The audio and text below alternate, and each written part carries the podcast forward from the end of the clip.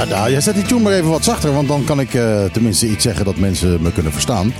Wij zitten hier weer met Op de Klippen, want dat is namelijk wat je hoort. De tune van Op de Klippen. We zitten hier live in Trocadero. Er wordt ons koffie gebracht en lege glazen worden weer weggehaald. Um, dat, doen, uh, dat doen ze hier zoal.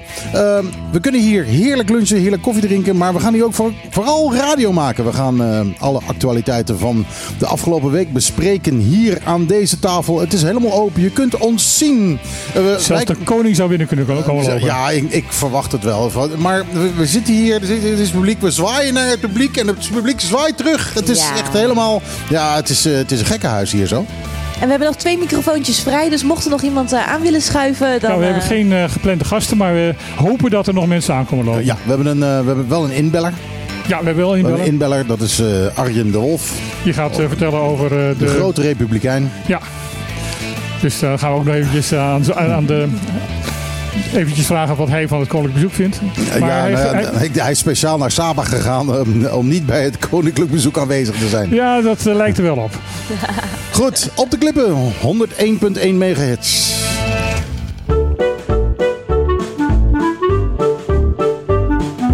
Elke zaterdag tussen 12 en 2. Michiel, Martijn, Lisan. Wat een feest! Is op de klippen. Live op je radio. Ik ben de man waar je steeds op steunen kan. Ik ben de man. Jouw flinke stoere Rambo. Ik ben de man. Goedemorgen, madame Pieters. Hebt u geen overroepen voor morgen? Ik heb nog wel te bakken niet goed voor morgen. Ja, heel, heel langzaam draait hij weg. Dat doet hij gewoon nog uh, 30 seconden over, niet te geloven. Raymond van het Groenewoud, de man met het centenpakje. Hij had zijn onderkin was een beetje naar voren. En als je dan uh, je, je onderkin een beetje naar voren duwt, dat centenpakje. En dan ga je met een Vlaams accent praten en dan ben je net Raymond van het Groenewoud. Hij was de man die zei...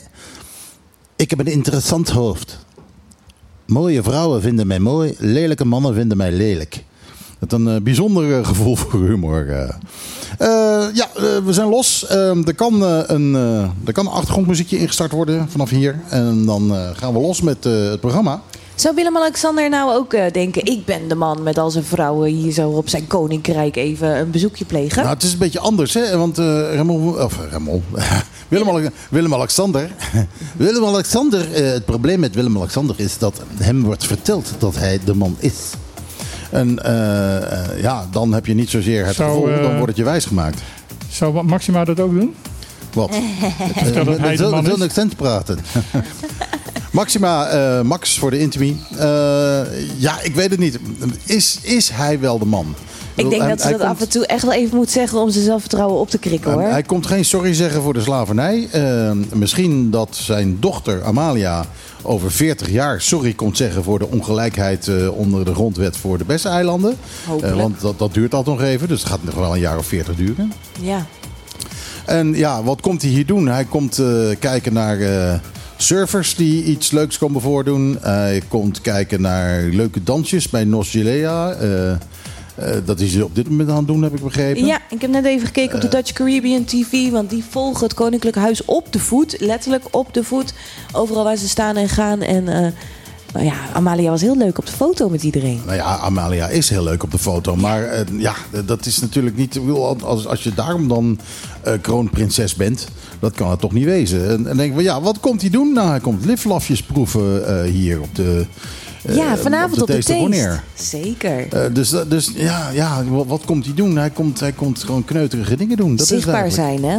En het, is, het is echt de koning van de kneuterigheid. En het vervelende is, um, dat zal hij zelf natuurlijk ook wel zo herkennen. Maar hij moet het elke dag doen. Overal waar hij komt. Al gaat hij naar donker Afrika, dan loopt hij er binnen. En dan krijgt hij meteen een paar dansende uh, Afrikanen voor zijn neus. Uh, en dan uh, tot grote ellende worden zijn vrouw en zijn dochter erbij getrokken. En die moeten meedansen. Dat is, dat is wat, mm-hmm. wat dat, zijn hele leven is zo. Elke dag weer. Ja representatie en, en, en kijken naar de ultieme kneuterigheid. Ik denk dat die man het hartstikke leuk zou vinden om drie maanden op Bonaire te zijn zonder zijn vrouw en kinderen. Oh, dat dus goed voor hem, goed voor Bonaire. Nou, misschien zijn vrouw en kinderen wel mee, maar eh, vroeger toen hij nog kroonprins kwam, kwam hij hier wel eens een keer incognito. Ja? En dan ging hij duiken. Hij is een, ontzettend, eh, een een ontzettende duikfanaat. Oh. En, en ehm, toen hij op een gegeven moment ook hoorde dat eh, Klein Bonaire te koop stond. En dat er allerlei plannen waren om daar eh, allerlei hotels op te kopen en der, eh, op te zetten en te bouwen. En dat er zelfs plannen waren voor een brug Ja. van Bonaire naar Klein Bonaire. Toen heeft hij gewoon gezegd van nou dat gaan we even niet doen. En hij heeft eh, zelf iets van een miljoen heeft hij neergelegd om te zorgen dat Klein Bonaire dus in handen van een stichting kwam. Ja, er waren al Bonaireaanse eilanders die, die zeggen van oké, we moeten het redden. En het Ja. restant heeft hij dan Precies, aangevuld. hè? precies. Dat, Ja. is, dat is wat er gebeurd is. Dus nee, ik, ik, eh, ik ben niet per se een royalist, maar Willem-Alexander heb ik heel erg hoog in mijn vaandel staan. Dus, eh, dus dat. En, en, en ik heb heel veel medelijden met hem, dus omdat hij naar zoveel kneuterigheid moet kijken zijn hele leven lang. Ja, ja, klopt. Hij is ook een beetje aangekomen afgelopen tijd. Het zal vast niet helemaal goed met hem gaan. Dus eh, Nou ja, drie de- maanden de- Bonaire zal hem vast goed doen. Ja, en nou ja, hij krijgt iedere keer die liflafjes gevoerd. Overal waar hij komt, liflafjes. En hij kan niet meer incognito duiken om alles eraf te duiken. Nee, nee, nee, Nee. Dat, dat gaat niet lukken. Want Nou iedereen ja, dan kan hij ook eh, EMS eh, gaan doen. EMS? Ja, dat heb ik gisteren gedaan. Oh, wat is dat? EMS is eh, Electronic Missile Stimulation. Oh, dan zit je stil, maar je spieren Nou, je, worden moet, met... je, je moet wel iets doen, maar de hele simpele oefeningetjes die je moet doen, die zijn eh, in 20 minuten net zoveel ehm, eh, calorie ko- eh, kost dat als 4 uur in de sportschool. Wauw, dat is effectief sporten, Martijn. Had je geen spierpijn na die tijd? Ik heb eh, mijn, ste- mijn, mijn benen zijn behoorlijk stijf. ja. dat, eh, Maar waar doe je dan? Heb je, heb je dat thuis liggen? nee, nee, dat, eh, er is hier een, ehm, een eh, vestiging, EMS Bonaire. Ja? Ja. En dan kom je er binnen en dan zetten ze gewoon een paar van die plakkertjes op je dij. Nee, je krijgt een heel pak aan. Je krijgt een pak aan. Je krijgt een onderkleding waar die nat gespoten wordt, zodat er eh, goed contact gemaakt wordt. Oké, want ja, mijn probleem zou zijn dat ik waarschijnlijk niet in dat pak pas. Als, als Martijn in het pak past, pas jij ook in het pak, hoor. Nee, ik ben dikker dan Martijn. Nou, rekt vast een beetje mee, jongens. Rekt vast een beetje Ja, mee. ik, eh, ik hoop het voor die mensen. Maar ja, goed, ze hebben Het moet natuurlijk strak pakken, zitten. pakken in verschillende maten. En er is natuurlijk vooral veel behoefte aan grote maten. Van allemaal mensen die willen afvallen, maar die willen er niet voor rennen. Dat is geen probleem. Ga in dit pak zitten en dan... Net als vroeger bij de telcel. Ja, dan, eh, ze stellen het eerst in. Zo van, eh, van eh, nu gaan we je, je bovenbenen doen. Voel je dat? Het voelt alsof je je, je benen slapen. Oké. zo- zo- Zo'n prikkelend Ja. gevoel. Ja. En eh, dan je billen en dan je buik en je armen. En dat eh, wordt, eh, voor elk wordt een niveau ingesteld. En dan ga je oefeningetjes doen, 20 minuten lang. En je gaat staan hijgen als ik weet niet wat. Maar, Terwijl je heel simpele dingen doet. maar het is er gewoon van, nou, zit u? Zit u goed? Bent u prima? Oké. Ja, exact. Dat, en, Ja. en dat dan hoe lang?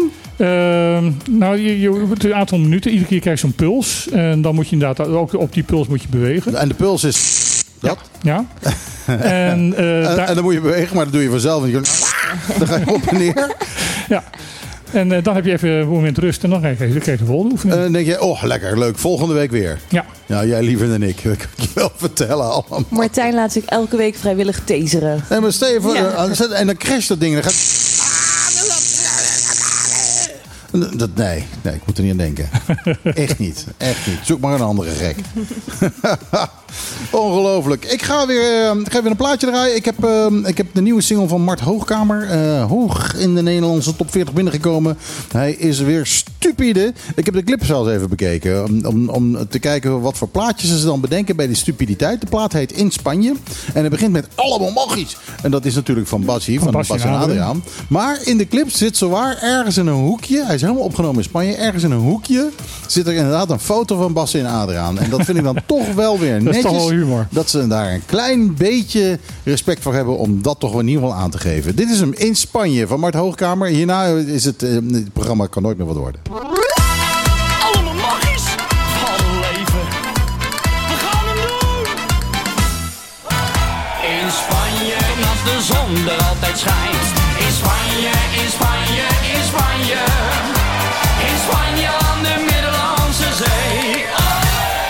In Spanje aan de Middellandse Zee, Mart Hoogkamer. Die we natuurlijk nog kennen van Ik ga zwemmen in Bacardi Lemma.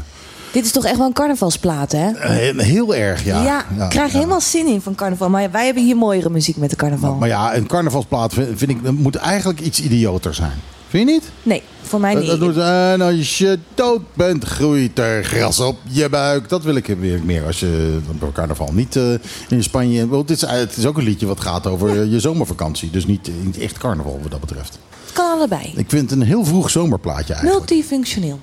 Eh, nou ja, zo kan je het ook zien natuurlijk. Ehm, zo, Martijn, jij probeert te bellen, maar het lukt niet te veel. Ja, ja, ik, eh, Ja, heb je hem aan de als, lijn? als dat goed is. eh, Arjen, ben je er?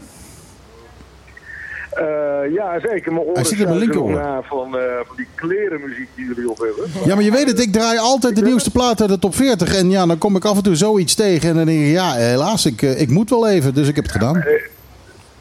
Ja, het is gewoon je smaak. Eh Michiel, geef nou maar toe. Nee, die het is oud, zeker is een niet mijn smaak. Oh, wat erg. Het is een heel oud liedje. Ook nog. Maar ik weet wel wat voor muziek jij leuk vindt, dus dat komt goed. Oh, nou, daar, eh, daar ben ik dan weer blij om. Hoe is het daar met jullie? Ja, het is hier prima, maar ik vraag me meer... Kijk, hier kan iedereen zien hoe het hier is. Maar de vraag is, hoe is het bij jou? Want jij zit in het hoge noorden. Ik zit in het Hoge Noorden, ja. Ik zit op Saba. Eh, ja, het is hier prima, joh. Saba is een, eh, is een pareltje in de Caribische Zee. En het ligt hoog, dus het is hier lekker fris. Ja, het is het, het, is het puntje van de vulkaan. Echt, Ja. echt het puntje van de vulkaan. En dan midden in de krater heb je de bottom. En daar zit jij, neem ik aan, nu? Nee, de bottom zit niet midden in de krater. De bottom ligt... eh, Op de bodem van de krater, toch? vulkaan. Eh, nee, nee, nee, nee. Dat, eh, eh, dat, dat is een eh, veel voorkomend misverstand. Eh, boven in de krater ligt het eh, laatste stukje tropisch regenwoud van het hele koninkrijk. Ja, dat weet ik. zo ongeveer Eh, één vierkante dat is kilometer of zo. hè? Eh, ja, maar als je er doorheen loopt, lijkt het toch een stuk, eh, stuk groter. Ja, vooral omdat je heel En stijl omhoog moet. natuurlijk, eh, de hoogste berg van Nederland, hè? maar Vooral geen- omdat je heel erg steil omhoog moet. En Maar geen enge slangen, toch? Simu is de hoogste berg van Nederland. Wat zeg je? Geen enge slangen, toch? Eh, volgens mij hebben ze één soort slang hier of zo. Maar het is meer een soort van, ik denk dat een, eh mij is een dan- waterslang. dan heb ik eh, nieuws voor je. Eh, een van de beheerders van de Saba, eh, van het de, de, de natuurreservaat daar. eh, daar zijn wij voor die, die Chinees waar we aan het filmen, eh, zijn we mee de berg op geweest. Die zei dat er zes verschillende soorten slangen zijn, maar dat ze geen van alle gevaarlijk waren. Ik heb er een keer één gezien. Oh, nou, ik, ben, nou, de- ik ben ook een keer gaan wandelen daar. En eh, eh, mijn, mijn vrouw die is, eh, die is bijna tien jaar jonger dan ik en die gaat veel sneller. En die was het op een gegeven moment helemaal eh, zat om op mijn... dat is eh, één van de redenen. om, om, op mijn tempo eh, te gaan lopen. Dus die liep een stuk eind voor, eh, voor me uit en die zag ik op een gegeven moment niet meer. Eh, en toen stapte ik dus bijna op zo'n slang. En eh, ik wist niet dat ik zo hoog kon springen met mijn oude knietjes. Ik weet nu ook dat, als, dat als, als ik schrik en me zorgen maak over mijn leven, dat ik dan heel erg hard roep: holy moly. dat weet ik nu. Nee, ik- vind het heel knap dat je wandelt, eh, Michiel. Nou, nou ja, eh, als dit soort dingen met me gebeuren, dan ga ik steeds minder wandelen, kan ik je vertellen. Ja, elk paradijs heeft slangen, Ik hè? vind het- Dat is het ook. Prima excuus, prima excuus. Ja, eh, Arjen, is er een reden waarom je nu op Saba zit? Eh, ja, eh, werk. Ik, eh, ik, ben hier, ik ben regelmatig op de bovenwinden, want hier ben ik aan het werk. Ah, nou ja, oké, dan, dan heb ik verloren. Want ik heb namelijk gegokt dat jij op Saba zat omdat de koning hier was. Al voor een goede, voor een, voor een goede republikein als ik. ja, nee, ja, dat was het inderdaad. Ja. en hij komt volgens mij dinsdag hier aan, dus dan ben ik net weer weg. Dan ben ik net weer terug op Bonaire. Nou hoorde ik al dat toen de bus door het dorp heen ging... om ze van het eh, vliegveld naar de verblijfplaats te brengen... alles werd afgezet en nou ja, de koninklijke huis zwaait vanuit het busje... maar niemand zwaaide echt terug. Dus ehm, ja... Oh, ja, dat is dat is wel een beetje sneu, hè? Nou, Ja, maar waarom zwaaide niemand terug? Omdat iedereen zijn telefoontje in zijn hand had en die koning aan het filmen was. Zou dat het zijn? Dat was het. Nee, ik heb... Dat was het. Gegarandeerd. Arjen, hoe Ja, staat het ja, met ja, de Bonaireaanse eh, politiek eigenlijk? Eh, hoe staat het met de Bonaireaanse politiek? Ja, nou ja, de- de- j- jullie belden over, eh, over die recente peiling die gehouden is, geloof ik. Ja, Ja, de, de, Eh, die, daar- is, is geloof ik eh, afgelopen week zijn daar de, de gegevens over. En er is geloof ik weer een grote verschuiving eh, heeft plaatsgevonden eh, ten opzichte van de vorige keer. Eh, nou, volgens mij is de, is de uitslag tot nu toe eh, vrij. eh, of de uitslag van de tweede peiling is vrij consistent. In ieder geval wat betreft het beeld. Met de eerste peiling die wij een aantal we- weken geleden bespraken in, op de klippen. Ik moet wel even iets zeggen over de methodiek. Het is mij niet geheel duidelijk hoe die in elkaar zit. Het aantal respondenten is eh, 160, 170. Dus dat is ongeveer anderhalf procent van, van het eh, potentiële electoraat eh, op Bonaire. En de peiling is helemaal online gedaan. Waardoor ja, toch wel grote groepen, met name ouderen... met name mensen met eh, minder eh, reguliere toegang tot internet... eh, misschien wat ondervertegenwoordigd zijn in de peiling. En dat zijn nou juist weer de groepen die regelmatig stemmen op de traditionele eh, partijen... zoals PDB en OPB. Dus, maar met die slag om de arm, eh, ja, eh, PDB eh, met, met, met, met, schouders boven de rest uit. NPB lijkt gedecimeerd te worden als deze peiling werkelijkheid wordt. Ehm, je, je weet wat Elvis Chinashu hierop gereageerd heeft? Eh, nee, maar dat, ik kan me voorstellen dat hij erop gereageerd heeft. Hij heeft gereageerd, want eh, hij wordt inderdaad eh, gedecimeerd. Tenminste, zijn partij wordt gedecimeerd. Hij zelf niet Wat natuurlijk. betekent gedecimeerd? Eh, tot eh, bijna nul teruggebracht. Oh, echt? Nul zetels? Bijna nul. Maar eh, hij zei van, ehm, ik geloof de uitslag van deze eh, enquête helemaal niet, want het is online en dat is dus niet eerlijk. Eh, wij hebben een eigen ehm, eh, enquête gehouden, die heeft, geeft een heel ander beeld. En toen er werd gevraagd van, nou ja, maak dan de, de uitslag van die, die, die enquête bekend. Zeiden van, nee, dat houden voor onszelf. Ja, maar ja, goed, die uitslag was Ja. waarschijnlijk... eh, ze hebben daar gewoon de poll afgenomen op het, de nieuwjaars, nieuwjaarsborrel van de NPB, denk ik. En dan, eh, ja, dan krijg je ook een iets vertekend beeld. Die was er niet. Ik heb Oh, gevraagd of ik mag komen op de MC, eh, NPB nieuwjaarsborrel. Die was er niet. De 29e wordt de kandidatenlijst bekendgemaakt. En daar zijn we wel voor uitgenodigd. Oh, Oké, dus dan mogen we daar komen kijken. Ja, en, dat, en dan kunnen we eh, daar een poll afnemen dan. Ja, dat is morgen. Arjen, wat Ja. wil je zeggen? Nou, en dat is inderdaad. eh, nou, nou, het, het is inderdaad goed, want de, de oorspronkelijke vraag was: eh, hoe staat het in de politiek? Nou, het, het begint inmiddels eh, hard tegen hard te gaan. Ramoncito Boy ehm, eh, laat zich niet onbetuigd. Die heeft eh, natuurlijk eh, een tv-zender, DCTV.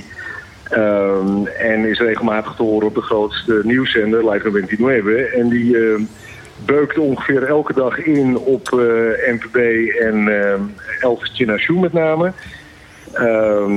En wat je ook wel, wel in die poll ziet, zie je eigenlijk in het mediabeeld ook wel terug. Je ziet een beetje de mensen die op NPB hebben gestemd eh, bij de vorige verkiezingen.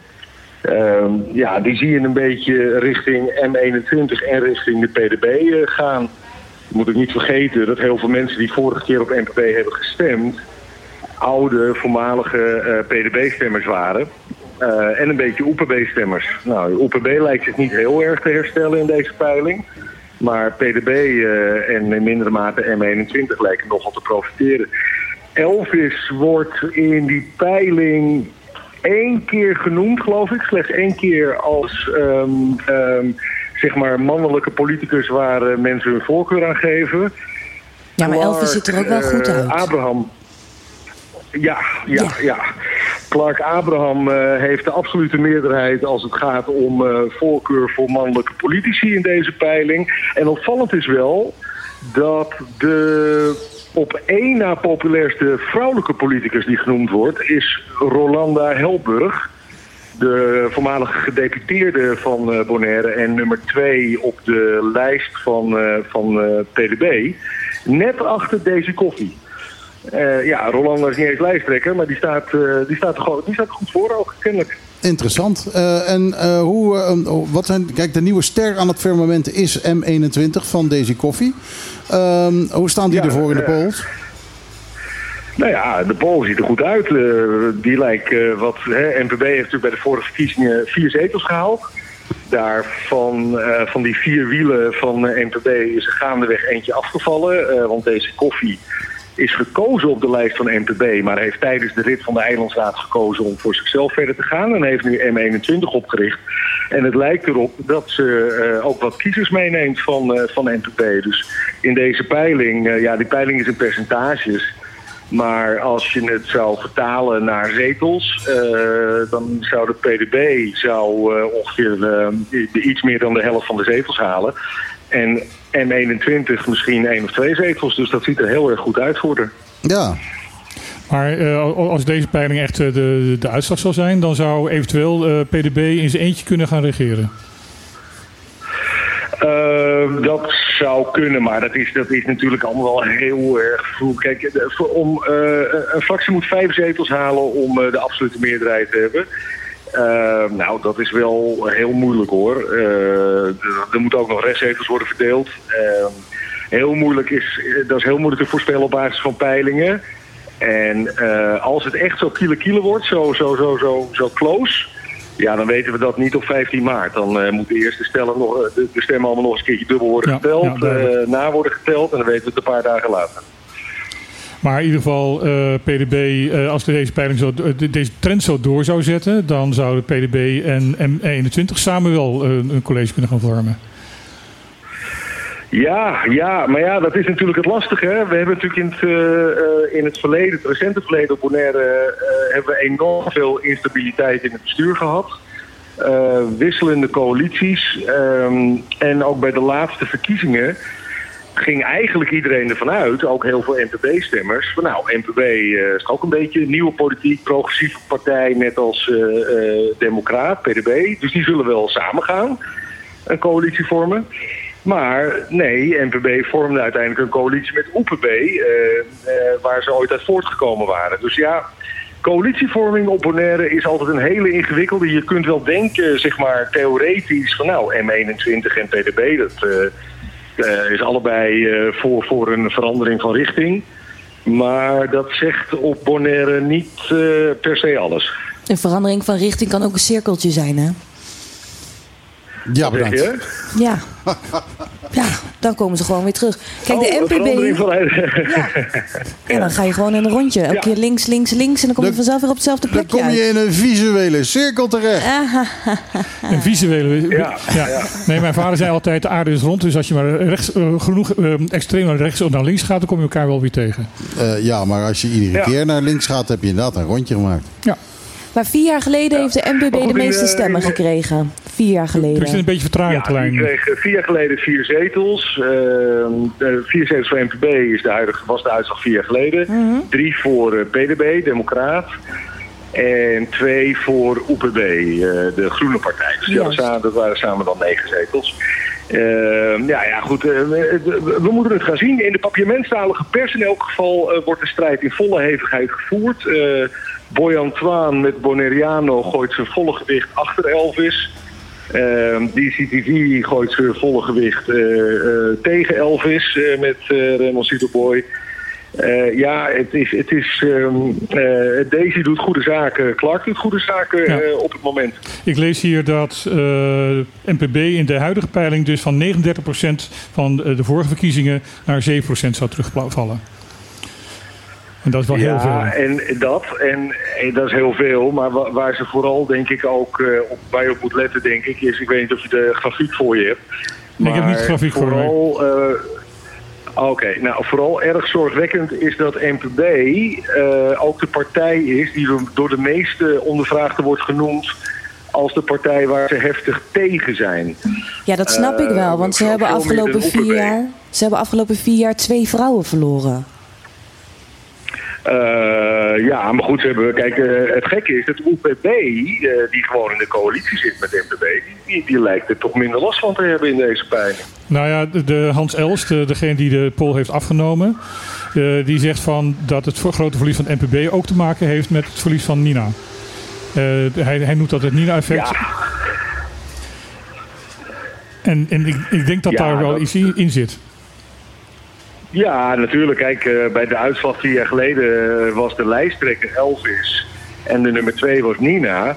Maar de nummer twee, Nina, kreeg veel meer stemmen dan, eh, dan Elvis. Ehm, Elvis is, ja, Elvis is nooit een enorme stemmentrekker geweest. Is natuurlijk ook van de rechtse, een beetje de OPB-vleugel van die, van die partij. Ehm, ja, Nina is progressiever en heeft op een gegeven moment haar conclusies getrokken. Helder en duidelijk. Eh, we gaan het meemaken. Ik hoop dat er ook nog, eh, behalve deze online poll, nog wel meer polls gaan komen die op een meer traditionele manier worden afgenomen. Dan eh, ben ik heel benieuwd wat, eh, wat daar het verschil tussen is.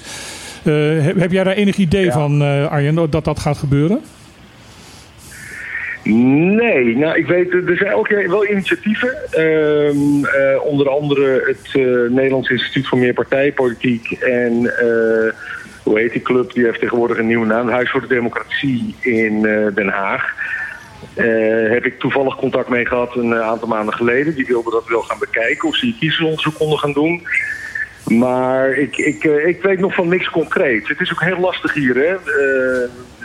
Mensen zeggen niet zo graag tegen een gezicht, fysiek, wat ze stemmen, wat ze hebben gestemd en waarom ze gaan stemmen. Dat is, dat is toch lastig voor mensen hier.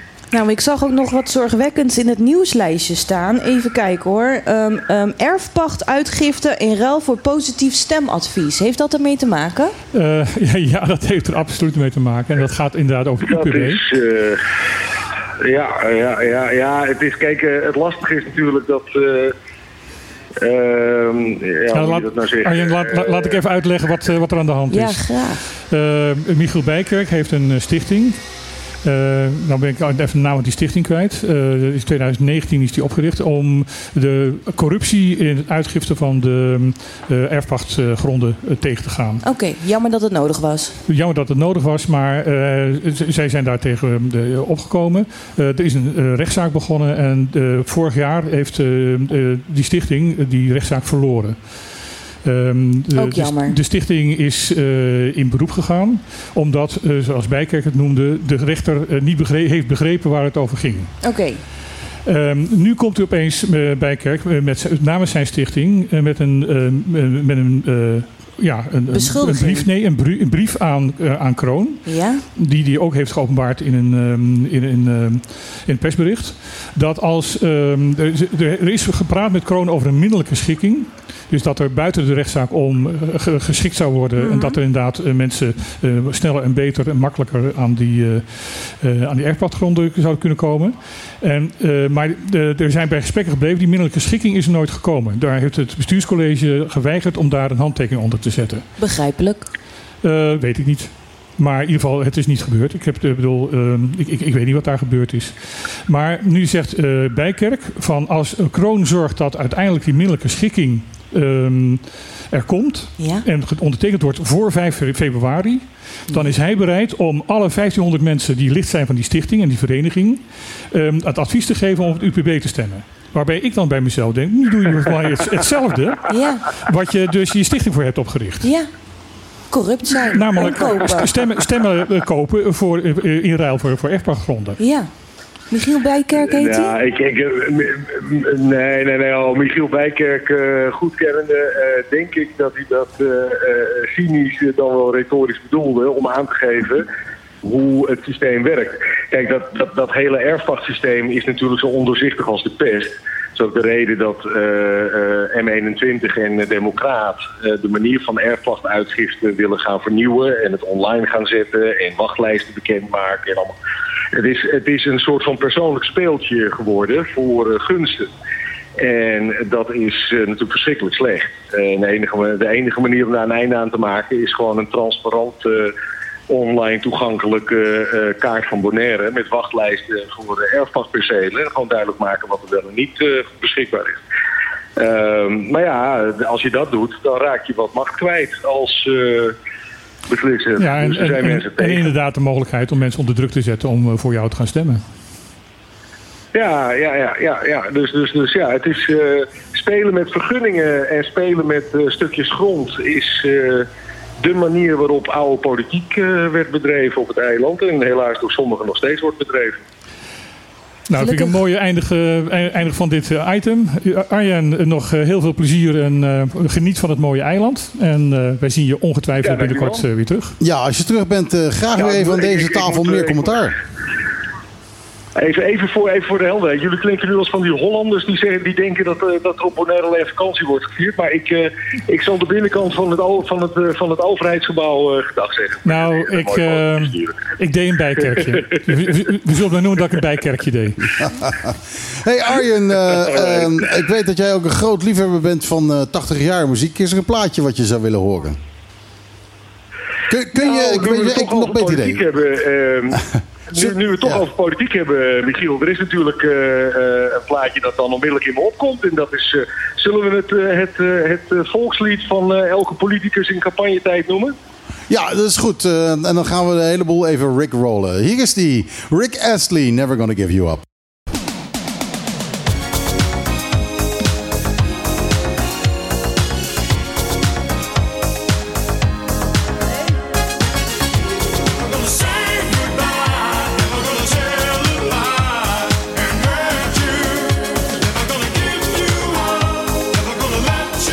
Natuurlijk met de eilandradio bezig. En dan vergeet je de microfoon uit te zetten, hè? Ja, eh, ik blijf amateur, hè? En, en dan ga je, ga je toch dingen zeggen. Nee, deze plaat hebben we echt te veel gehoord natuurlijk eigenlijk. Dus eh, we moeten eens wat anders proberen. Zullen we hem achter het voren draaien? Kijk jongens, we zien fans van het Koninklijk Huis langslopen. Die hebben een kroontje op. Oh ja, ja, dat krijg je natuurlijk. Ja, het is toch radio om te kijken wat wij hier maken. Ik heb zelfs een beetje oranje in mijn haar. En nou ja, dat Dat, zie je. ja, ik was me nog niet eens opgevallen. Maar ja, je hebt inderdaad een oranje ding in je haar. Oh ja, ja. Schandalig. Ja, nou ja, mocht je, mocht je dus de- dit dus allemaal horen terwijl je naar de radio zit te luisteren en je denkt van ja, heeft ze oranje in haar haar, hoe zit dat dan? Ja, dan had je even moeten komen naar Trocadero, want daar zitten wij live radio te maken en dan kun je alles gewoon, eh, gewoon zien. Even Eh, lekker dan- lunchen. Precies, kopje koffie, lunch erbij, eh, helemaal goed. Wij weten uit ervaring dat de lunch hier erg lekker Ja. is. We- nee, niet alleen dat, maar ik ga zo meteen nog een keer uit ervaring dat controleren. Wij controleren elke week of de lunch nog steeds heel goed is. Ja, dat, eh, dat doen wij. Zo zijn wij. Wij zijn van de, van de, van de Kwaliteit. kwaliteitscontrole. Wij zijn van de kwaliteitscontrole. Ja, absoluut. Wij komen elke, de enige reden waarom we deze uitzending hebben is omdat we elke week controleren of de lunch hier nog goed is. Ja, precies. Da- daarom zitten we Ja, hier. daarom zitten we hier. Daarom zitten we hier. En een beetje berichtgeving vertellen. Ja. Ja, dat is, a- dat is, dat is een excuus ervoor. ja. Hey, Dus over eh, eh, zo doen we dat. berichtgeving gesproken. Er was iets deze week, het staat niet op de lijst. Maar er was wel ophef om de vacature voor de nieuwe directeur voor de Belastingdienst op Bonaire. Dat was vorige week al. Was, maar dat hebben we niet besproken. Dat hebben we niet besproken. nee, maar het stond vorige week ik- op de lijst. en ik heb daar wel nieuws over trouwens. Ja. Ehm, er was vorige week, eh, maakte eh, Clark Abraham de, eh, mensen erop attent. En dat deed hij op Facebook. Ja. via Facebook. Dat er een advertentie was geplaatst in Nederland alleen. En op de, de, de website van RCN zelf. Mhm. Voor een nieuwe directeur voor de Belastingdienst. Oh. En als je de tekst las. En de manier waarop het gesteld was, kreeg je de indruk dat mag alleen maar iemand uit Nederland zijn. Oké. Jammer. En ehm, hij heeft daar tegen geprotesteerd. Zo van jongens, we zitten op eh, Bonaire, de, de, de RCN zit op Bonaire. Waarom niet iemand vanuit de, uit de regio van Bonaire zelf of van een van de andere twee Ja. eilanden of zelfs vanuit de regio. Daar zitten ook heel capabele mensen bij. Waarom krijgen ze in ieder geval daar die kans niet toe? Iemand die al geïntegreerd is. Ehm, er is door, vanuit Den Haag eh, erg, eh, vanuit RCN erg over, eh, door geschro- geschrokken op gereageerd. Uiteindelijk is die tekst inderdaad ook veranderd. En is die ook op me- meerdere plekken, ook in Bonaire en in, in, in het Caribisch gebied geplaatst. En dat was eigenlijk het einde van het verhaal. Totdat ik ehm, van de afgelopen week iemand sprak. En dat is de recruiter van RCN. Ja. En die zei van, je mag het van mij zeggen.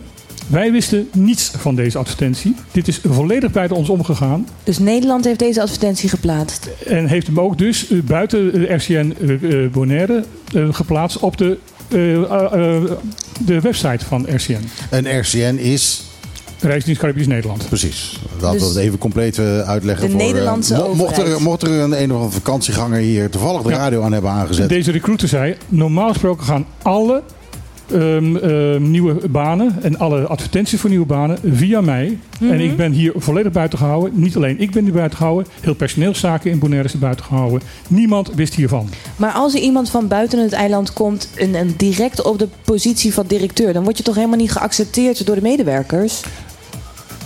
Eh, ja, er gebeurt natuurlijk wel vaak dat mensen dus ehm, eh, gewoon geparasiteerd worden en, en op die manier eh, op een plek komen. Ja, dat kan goed gaan. Ik, ik heb een heel sterk vermoeden wat er aan de hand is. Ik heb een heel sterk vermoeden wat er aan Wat de is hand jouw vermoeden? Vermoeden is van dat ze al lang weten wie het gaat worden. Maar dat is alleen maar een vermoeden.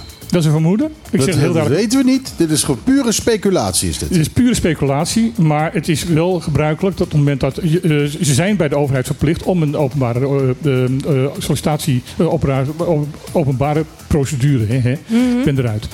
Ehm, te, te plaatsen. Dat, dat zijn ze verplicht. Ja, volgens mij moet je zelfs eerst je vacature aanbieden aan de Bonaireanen. En als daar Nee, geen nee, respons vandaan komt, nee, dat is nee, niet ze het zijn geval. eh, in eerste instantie verplicht om het binnen de ministerie te, eh, of binnen de overheid te zoeken. Oké, En dan eh, wordt een externe ad- advertentie. ja.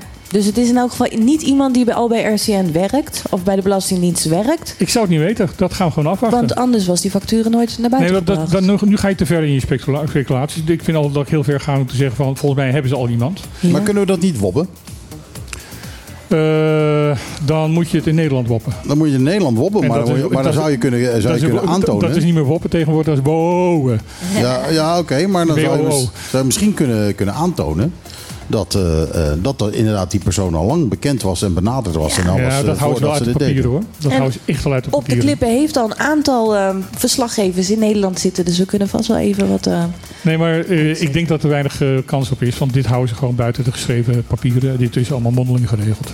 Als, het, als het inderdaad zo is, dan houden ze dit buiten de Allemaal in de wandelgangen? Ja. Zou het meneer Ja. Akkermans zijn? Mijn naam is genoemd. Eh, nou ja, goed. eh, en, eh, speculeren daar gelaten.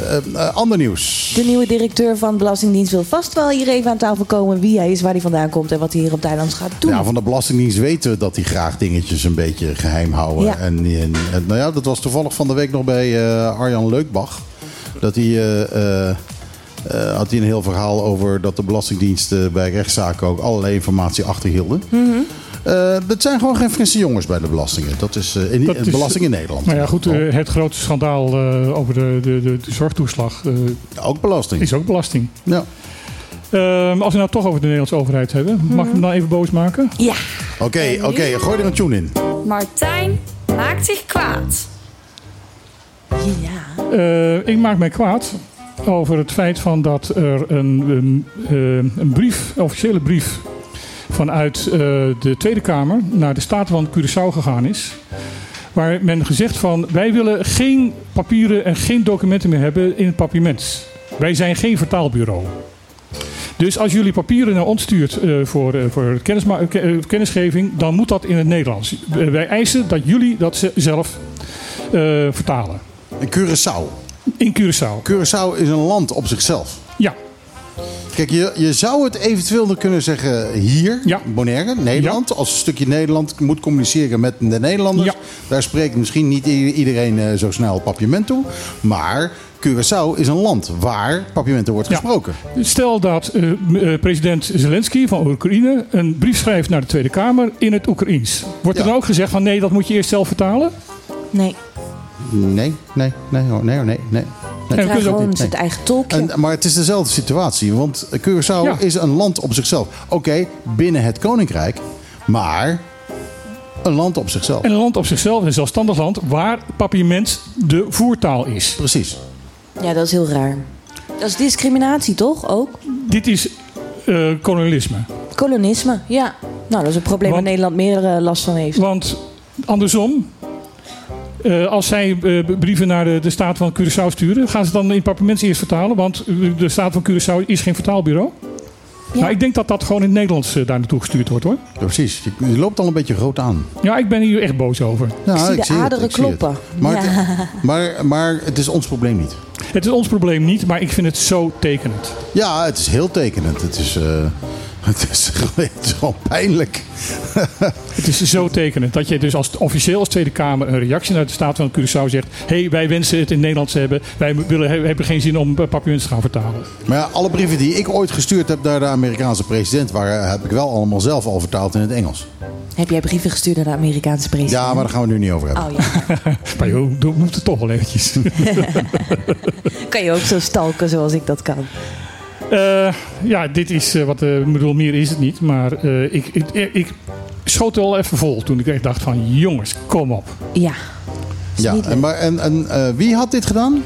Officieel, de tweede, eh, namens de Tweede Kamer is een brief naar de, de, de Staat van Curaçao gestuurd... van dat ze geen brief meer in het wensen te hebben. Maar we weten niet wie dit Nee, geschreven nee, nee, heeft. het is namens de Tweede Kamer. Namens de Tweede Kamer. Dus de hele Tweede Kamer ik, staat neem, hierachter. ik, neem, ik neem aan dat dit door de voorzitter van de, van de Tweede Kamer gebeurt. Dat, dat weet ik niet precies. Maar er heeft toch wel iemand op een of andere manier werk van gemaakt? Er is toch wel, er is toch wel een reactie geweest vanuit Curaçao van... zijn jullie helemaal Nou, kennelijk niet, want toen op een gegeven moment eh, een vierlandenoverleg was, eh, waarbij eh, in de Tweede Kamer mensen ook vanuit de andere landen konden, konden praten en, en konden, een toespraak konden houden, was er één statenlid van Curaçao die zei van, jongens, ik spreek papiermens, dus ik ga in het papiermens mijn toespraak houden. Nou, Ja. die werd nou binnen drie minuten werd hij afgefloten door de voorzitter van de, van de Kamercommissie, van dat het toch de bedoeling was dat hij het in het Nederlands ging doen. Nou, het probleem is natuurlijk, is het, het mes snijdt een beetje aan twee kanten. Als je, als je een toespraak houdt en je wil iets geregeld krijgen... Dan moet je het in het Nederlands doen. Dan moet je het in het Nederlands doen. Want als je dat in het papierment doet en geen hond verstaat het... dan eh, gaat er ook niks gebeuren. Bovendien vinden ze dan, dan een, een oetlul dat je in het er tegen ze begint te praten... terwijl je Nederlands kan praten. Nou, van deze man is bekend van dat zijn Nederlands niet al te best is. Ah, Eh, maar er is nu er is uiteindelijk wel een beetje een klein relletje geworden. En uiteindelijk is er gewoon gekomen van... ja, hij mag het in het papiermens doen... maar dan moet eh, de, de, hij zelf zorgen voor een tolk. Oké. Eigenlijk precies hetzelfde. Dus weer. Ja. ja, ja, ja. Nee, dat En is, nogmaals, als Zelensky een, eh, toespraak houdt in de Tweede Kamer... dan is er een tolk aanwezig hoor. En Ja. dat hoeft hij niet zelf voor Nee, te dat, zorgen. dat klopt inderdaad. Dat klopt. Nou ja, dan eh, eh, zeg, zeg ik gewoon eventjes eh, namens ons allemaal... vuilnisman, kan deze zak ook mee? En dan draai ik gewoon weer een plaatje. Ik heb hier de nieuwe Zoe Tauran en die heet Therapie. Misschien hebben ze dat nodig. Ja, nou zet de microfoon wel uit.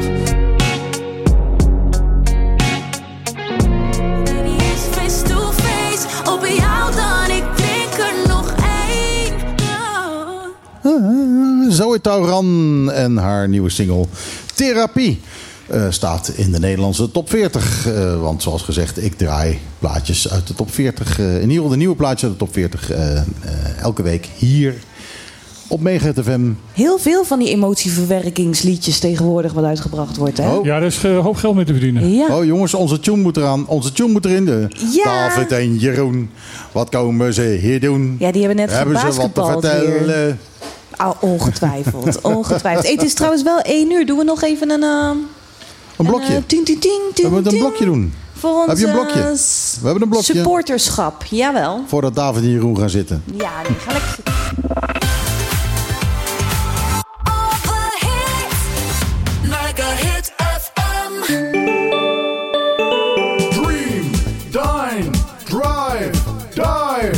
Bonaire. Een klein intiem resort met een no-nonsense vibe. Op loopafstand van Centrum Kralendijk aan de Kaya Dialma 11.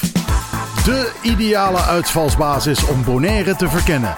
Kijk voor meer info op de socials of op thehutbonaire.com. Dream, dine, drive, dive. The Hut Bonaire.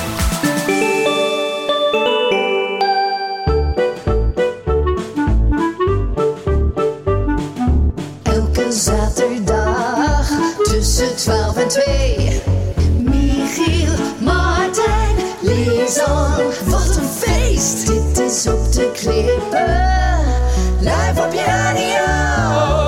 Ja, inderdaad. Nou, eh, hier aan tafel ondertussen zijn aangeschoven eh, David en Jeroen, de een eigen tweeling. Eh, die uit elkaar te houden zijn doordat David lijkt een beetje meer op eh Bassie van Bassie Naderaan. En Jeroen lijkt een klein beetje op Woody Harrelson. en dat is eigenlijk hoe je ze uit elkaar moet halen. Eh, en, en mij lukt het denk ik wel ondertussen wel. Waarom heb je nou mij niet ook een eh, soort acteur of zo? Dat vind ik nou een Bassie. Wat, wat, wat, Bas van, Adriaan. Bas van Toor is, is een acteur, hij is een, eh, hij is een zanger, hij is een, componist. Maar ik ben Eh, liever een Amerikaanse acteur, denk ik. een, een Ja? Amerikaanse acteur. Ja, dan zou je toch onder het mes moeten bij de... Ja, eh, Steve Buscemi dan. Steve Buscemi, dat ben jij een beetje. Maar Woody Harrelson, die had ik nog nooit gehoord. hè? Nee. Die vind ik wel leuk trouwens. Ja. ja. ja. Ja. Zeker. Beter dan eh Ja, ja, maar, die eh, maar- zie je het ook? Ja, jij, jij bent zijn broer, jij ziet dat natuurlijk Nee, niet. Jij kan dat niet niet zien. Nee. Maar eh, ja, iemand anders. eh, eh, we hebben Evelyn bijvoorbeeld. Evelyn, hallo Evelyn. Evelyn, eh, Hey, Evelyn. hier. Eh, Evelyn, zie jij het een beetje? Dat die Woody Harrel- eh, Harrelson, Harrelson een beetje heeft in zijn gezicht? Koffie, Zo. Nou, er wordt ja geknikt. Dat is het toontje van Evelyn, dat, eh, dat de koffietijd is. Eh, Dat is toch die acteur die sprak de on, eh, onnavol- onnavolgbare woorden. I got some head issues, but the body is still divine. Dat zou heel goed kunnen. Het klinkt wel als iets wat hij zou hebben Ja. gezegd. Nou, Inderdaad. wat een gezelligheid hier weer op de middag zo. Fijn om er even te zijn. Hebben jullie lekker gesport? Ja, we hebben echt... Het is eh, een heel leuk toernooi van de Nederlandse basketbal. Ja. Dus dat moeten we eventjes eh, aan jullie, eh, misschien de mensen nog willen gaan komen kijken. Ja. Vanmiddag gaat het verder, van mij vier uur. Komt de Drie keer drie. kijken. Gisteravond hadden we een hele clinic. Echt Oh. ontzettend leuk. Ja. Dus de drie, drie, drie, eh, drie keer drie eh, clinic. Dus we krijgen de extra regels voor de... Het is een nieuwe Olympische sport. Dus in Nederland is heel goed in. Dus eh, vandaar met veel energie zijn we weer aan de gang. Hartstikke leuk. ja, maar jij lijkt mij met je 1,60 meter niet een goede basketballer. Nee, nee. Ik heb wel een grote mond. Dat heet psychologische oorlogsvoering. mag, mag je, mag je de bal meenemen met je mond?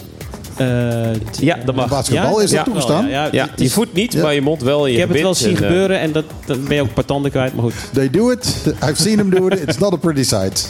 Nee, maar e- even, de, vanochtend had, eh, was de jeugd er. En die hebben training gekregen van, eh, eh, van de Nederlandse Basketbalbond. Dus, en die En doen, goed. Ja, die doen echt een hele leuke training. Die gaan, eh, die gaan echt eh, op het individu in. Waarbij ze ervan uitgaan dat het door middel van spel en niet door middel van je moet eh, eh, dit spelletje op die manier precies zo doen. Maar gewoon spelenderwijs eh, Fun. doen ze allemaal Fun. fun. maar dat gaat allemaal voorbij, helemaal buiten Wim Lex, Maxima Ja. en, en, Ja, ze zijn en niet komen kijken. Wie, wie zijn dat? Wi- Wim Lex, Max en Ama, dat zijn, eh, Maar ik heb begrepen dat, eh, dat die zijn de toekomst van het eiland. meneer Alexander een, een piloot is. Dat, eh, Ja, Oh, nee, heeft ik- hij gevlogen zelf?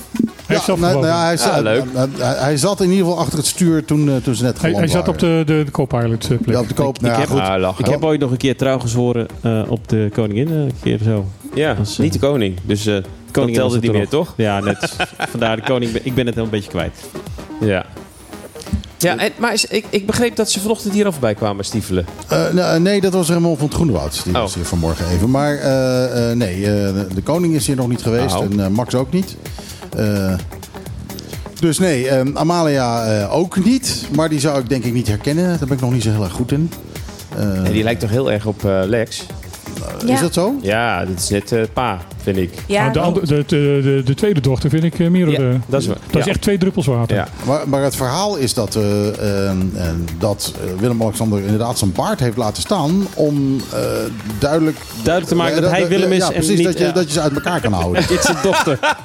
Oh, ik dacht dat eh, een beetje bij de Beauty of the Beast... eh, Nou ja, dat heb je natuurlijk ook wel. Hè. Ehm, eh, mooie vrouwen houden van lelijke mannen. We hebben het er al eerder over gehad. Maar door de komst van een koninklijk huis is het zo dat de vissers zo boos zijn geworden, hè?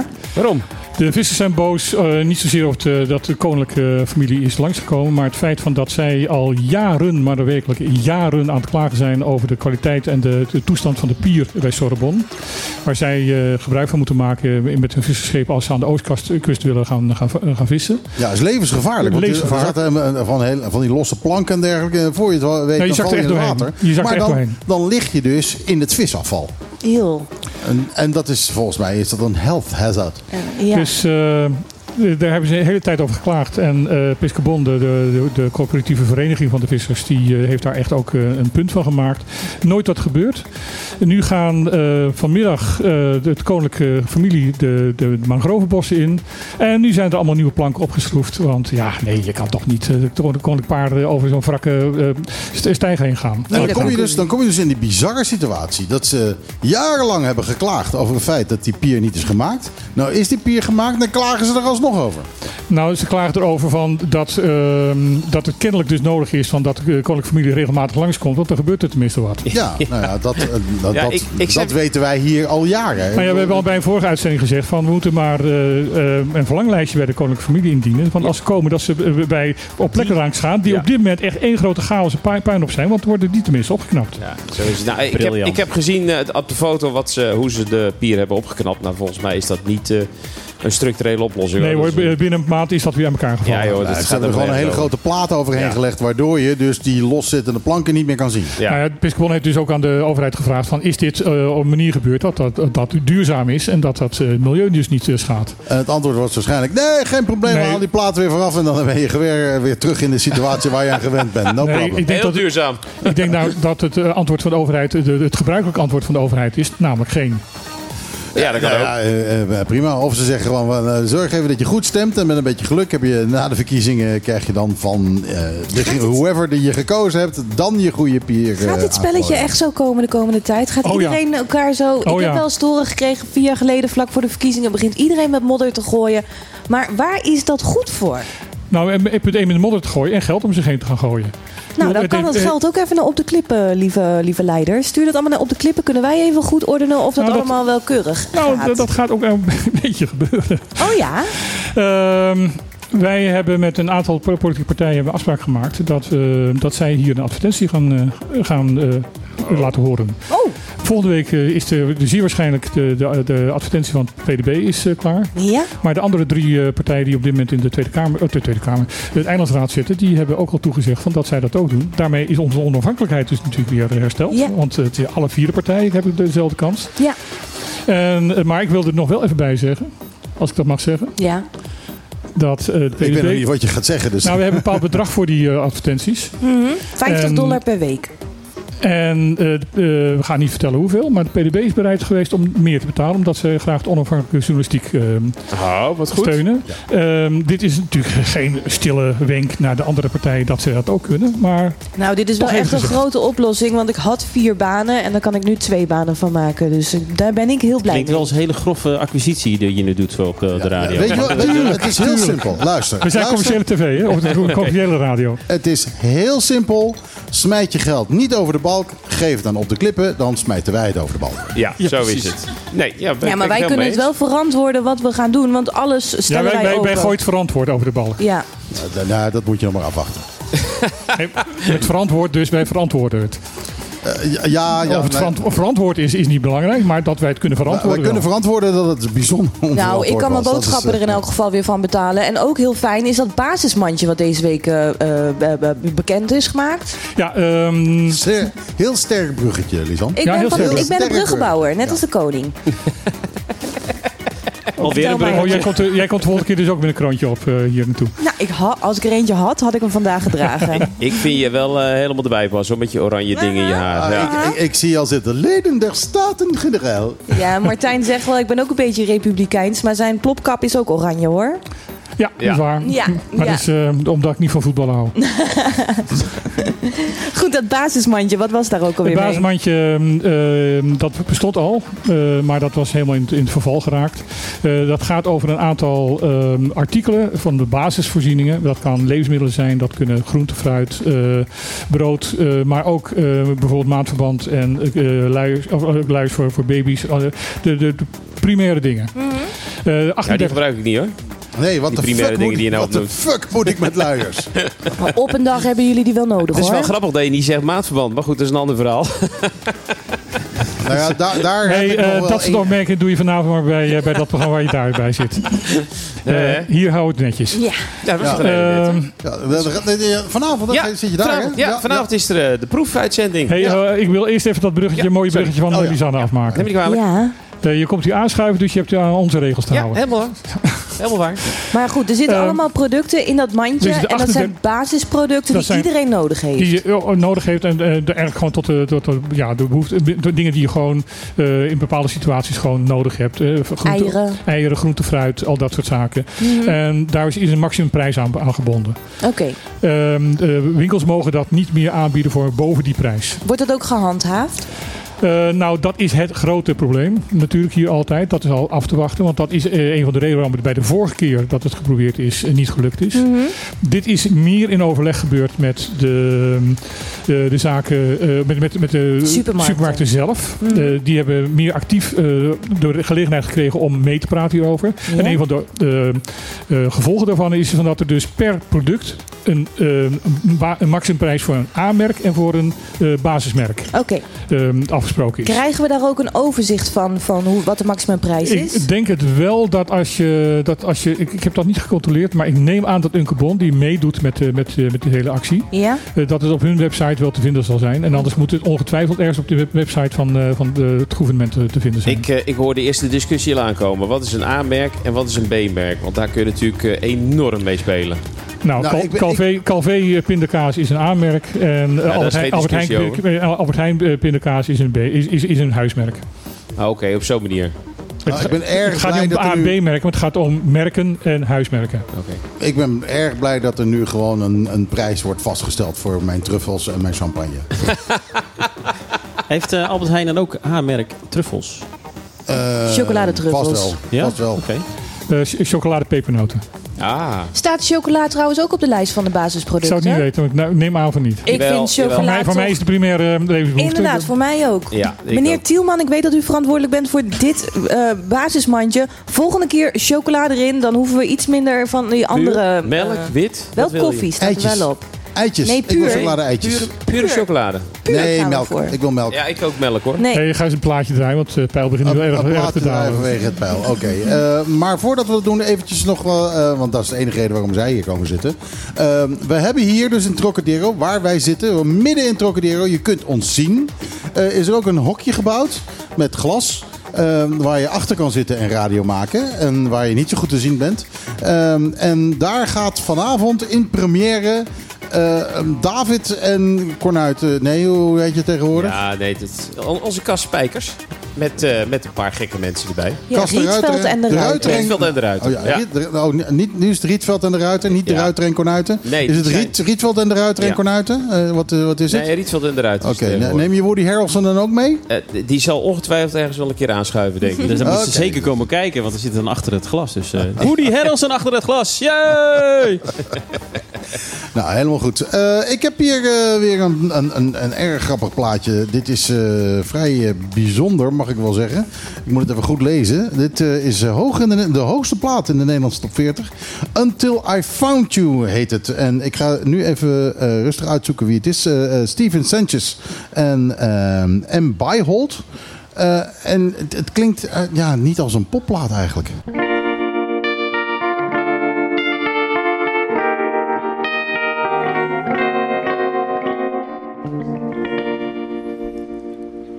Een heel erg fi- 50s plaatje. Fijn, hè? En, Ja, heel eh, erg. En, en dat zeg ik nu speciaal, want eh, Martijn, jij moet altijd de, de muziek eruit knippen hier. Ja. En eh, dat doe je altijd na het programma. Ja. Eh, En, en dan ga je dus mijn, zie je dus al mijn afkondigingen. En die beginnen bijna altijd met ja. Ja. Ja. Ja, ja, ja, ja. Dus ik heb speciaal nu niet ja gezegd. Dus de volgende keer zal ik zeggen Toen ik dat nee. vorige week- Sanchez en M. Bijholt met eh, Until I Found You. Toen ik dat vorige week tegen hem zei, toen werd hij een klein beetje bleek. Ja, snap ik. Maar ik, moet, ik moet er juist ontzettend om lachen. Omdat je wel kans ziet om dan... eh, we draaien gemiddeld zeven nummers per, eh, per uitzending. De laatste nummer kondig je niet af, want dat is de laatste nummer van de af- uitzending. Dus je, je hebt zes afkondigingen. En je ziet kans om elke keer, elke ja die je zegt, is weer anders dan de vorige. Die zou ze een keer achter elkaar moeten knippen. Nou, nou ja, Nou, ik dat- was dat eigenlijk van plan met, eh, met de samenvatting van het vorig jaar. Maar ja, dat, ja. maar dat was eh, Kost heel veel tijd. heel veel tijd. En Ja. ik had die tijd niet, dus eh, helaas heb ik dat niet kunnen doen. Nee. Ik, ik wil nu alvast zeggen dat de laatste plaat die we draaien van dit programma, en dat zal zo zijn tegen twee uur, eh, dat wordt Ilke Klein met eh, In de Joris Voorn remix. En nou zit er toevallig een DJ hier aan de tafel en die kan daar misschien iets meer over vertellen. Hi. Hallo, nou, of ik er wat meer over kan Mette Hirsemuller. Nou, Beste DJ van Thailand. Oh, dankjewel. Alsjeblieft. Eh, nou, of ik wat meer over kan vertellen, dat, eh, dat weet ik niet qua details. Ik weet alleen dat ik zelf erg fan ben van, eh, van Ilke Klein. En eh Joris Voorn is natuurlijk een legend. En eh, ik vind het heel mooi dat, eh ja, dat Ilke Klein nu gewoon... op welke plek staat hij nu? Op de top? In de top 40, eh, nou niet zo heel erg hoog, maar ik, ik heb dat niet, niet, niet paraat. Ik kan het wel even voor je uitzoeken, dan zal ik je zo meteen maar goed, luisteren. in de top 40 überhaupt, dat vind ik toch wel, ja, dat vind ik wel tof eigenlijk. Dat is een DJ die ik al best wel een tijdje volg. En ehm, ja, dus dat vind ik wel leuk om, voor mij is hij, ja, toch altijd was hij eerst wat meer eh, underground om het even zo te zeggen. En nou eh, is hij voor het eh, grote publiek. Heb je wel Maar ja, dat betekent dat, je, hem- dat betekent dat je hem niet meer kan draaien.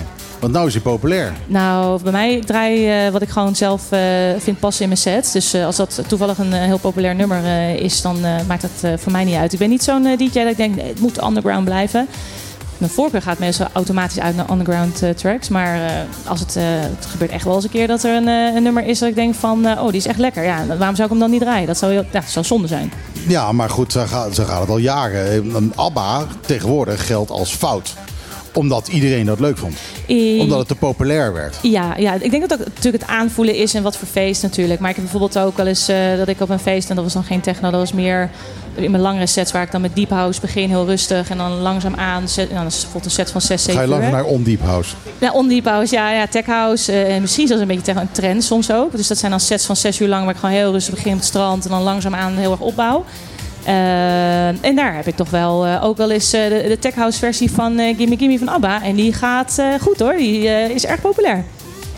Nou, je, je bedoel, het is niet, niet voor niks dat, eh, dat, dat het zo populair was. Ik bedoel, je kan er, erg goed op dansen. Nou, plus, het is eh, vaak ook als het een re ook- Weet je, dat is dus ook waarom er zoveel wordt gecoverd. Hè? Er wordt een remix van gemaakt. En dan, eh, zeker als een house, eh, sau- een house sausje. Ja, nee, die ga ik. eh, house sausje. Dan, eh, ja, dan als er een bepaalde beat onder komt, dan kan je eigenlijk gewoon eh, het nummer in eh, gaan recyclen eigenlijk. Het klinkt een beetje zo. Gewoon een beetje als on... eh, zometeen ga ik hem helemaal draaien, maar het is... ja, dikke, dikke, dikke, dikke, dikke. Ja, Dat, dat, dat is hem. Dat Ja. is, dat- maar ja, die, heb, die draai jij dus eigenlijk al weken draaien die, eh, in Nou, de sets. ik heb hem eh, in mijn platenverzameling, want het heeft zo de digitale platenverzameling. Maar ik heb nog zelf geen moment kunnen vinden om hem zelf te draaien in de set. Ja, Helaas. nou ja, nu moet je, want hij is binnengekomen op 39. Oh, kijk. Dus, eh, dus dan weet je dat alvast. Van de hoeveel? Ja, van, de Van de veer- nee, 40. van de 40. Top 40, hè? Dus, eh, Scherp. Maar ja, geen idee waar die heen gaat. Weet je wat er nummer 1 staat? Geen idee. Nee? Miley Cyrus? Ja, inderdaad. Ja, Flowers. Ja, leuk. leuk. Flowers van Miley Cyrus staat nummer 1. Inderdaad. Eh, heeft hij binnen twee weken gedaan. Binnengekomen op 4 vorige week en eh, deze week op Het is trouwens een goed bedje dit. Ja, best wel, hè? Ja, heel goed bedje. Nou, wat ik trouwens ook wel leuk vind, nu we dit zo, zo bespreken, dat ik ook wel denk, is dat daar, eh, ik hoor een beetje in de, in de DJ-community en dan vooral ook de, de feestgangers zelf. Er is best wel veel eh, kritiek op eh, DJ's die een show geven. Bijvoorbeeld, er is een, een DJ, eh, eh, eh, Jack Mason, als ik goed zeggen. Dat is een hele extravagante man die echt daar een show staat. Ik vind het echt fantastisch, want die man doet dat met zoveel passie en liefde. Maar hij wordt zo afgekraakt. En met de, het, ja, met de reden erachter van... ja, waar zijn de underground DJ's gebleven? Het moet weer terug naar vroeger. En dan denk ik van, ja, maar wacht even, ook dat evalueert. Het feit dat dit nummer nu in de top 40 staat... Weer, dat het weer terug aan het komen is, alle jaren 90, dat we dat heel veel Ja, hadden. Ja, ja. ergens word ik er wel heel blij van, maar dat kan ook weer Ja, plus eh, dat- consequenties krijgen met. eh, Plus dat, vroeger komt het nooit terug. Nee, Dus eh, alsjeblieft niet. het is ook zo'n onzinuitspraak. Ja, eh, eh, vroeger dit, vroeger dat. Ja, je mag er nostalgisch naar kijken. Er zijn ook een paar dingen waarvan ik denk van... Hm, dat was toen toch wel leuker. Maar het komt gewoon nooit terug. Dus ga je daar niet druk over maken. Gelukkig is eh, de enige zekerheid, is, eh, wat was dan een keer? Verandering is de enige, constan- enige constante? Ja, klopt Dat, dat de zon elke dag opgaat? Mijn, le- mijn levensmotto is het enige wat voor mij zeker is... dat alles onzeker is. Nou, weet je wie wel lekker Dat je verandering belasting aan moet het eh, aanbrengen is? Is het Plaza Resort. Die heeft een leuke verandering erin gegooid. Hebben jullie dat gezien? Dat heb ik gezien. Ehm, zij gaan geen plastic wegwerp eh, waterflesjes meer uitdelen aan hun klanten. Dus ze gaan terug naar vroeger. Toen ze Ja, nog, ze gaan eh, wat dat betreft eh, terug naar vroeger. Eh, ze gaan... ehm, ja, er wordt hevig gezwaaid naar Ja iemand. man, we hebben fans. Leuk hè? Ja, er gebeurt hier live Ja, gewoon. naamgenoot. Live zitten we hier Nou, eh, in Trocadero en er ontzettend komen alle mensen binnenlopen ja. en weer naar buiten lopen. Dat is echt eh, niet te geloven. Ik, Maar- ik, zie, de- ik zie Woody Harrelson, Harrelson zitten daar. Daar zwaai ik even naar. Die terug, terug. Helemaal goed. Kan allemaal hier. Maar terug naar Plaza. Ja, die Plaza gaat ehm, alle eh, wegwerp eh, eh, waterflesjes in de band doen. Dat gaan ze niet meer verkopen. Gaan ze niet meer uitdelen. Want ze ga- gaven dat gratis weg aan, aan, aan hun gasten. In plaats daarvan krijgt iedereen bij het begin van het verblijf een hervulbaar fles gemaakt van rietsuiker. Ja? Suikerriet. Suikerriet. Zullen we maken. Natuurproduct. Suiker, dat valt zo snel uit Dat zullen we elkaar, suiker, suikerriet van maken.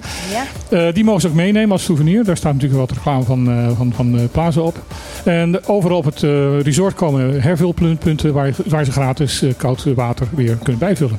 En ik heb begrepen dat ze eerder duizend flesjes per week uitdeelden. Omdat Ja. de dikke Amerikanen niet het water uit de kraan vertrouwden. Juist. En eh, dat- zij denken dus inderdaad dat ze duizend wegwerpflesjes per week kunnen uitsparen. Wauw. Ja. Ongelooflijk. Ja, dat die Amerikanen dat water niet vertrouwen. Heb je, eh, ben je wel eens in Amerika geweest? Heb je dat Amerikaanse water wel eens gedronken? Nee, Nee, dat, e- dat, dat drink je niet, dat eet je. Ja, bijna wel, hè? Echt? Ja, dat zit, eh, eh, zit, op heel veel plekken zit er nog gewoon veel te veel lood in dat water. Ja.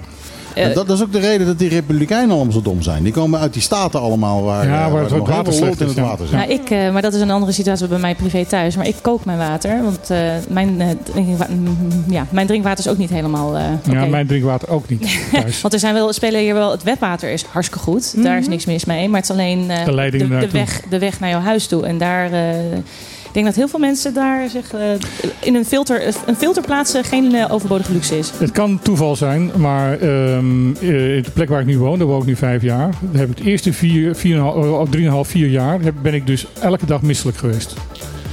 En toen, omdat ik ook van Mitte de aantal dingen hoorde van, van over het water, toen ben ik gewoon om te proberen, ben ik op flessenwater overgegaan voor mijn drinkwater. Mhm. Sindsdien ben ik niet meer misselijk.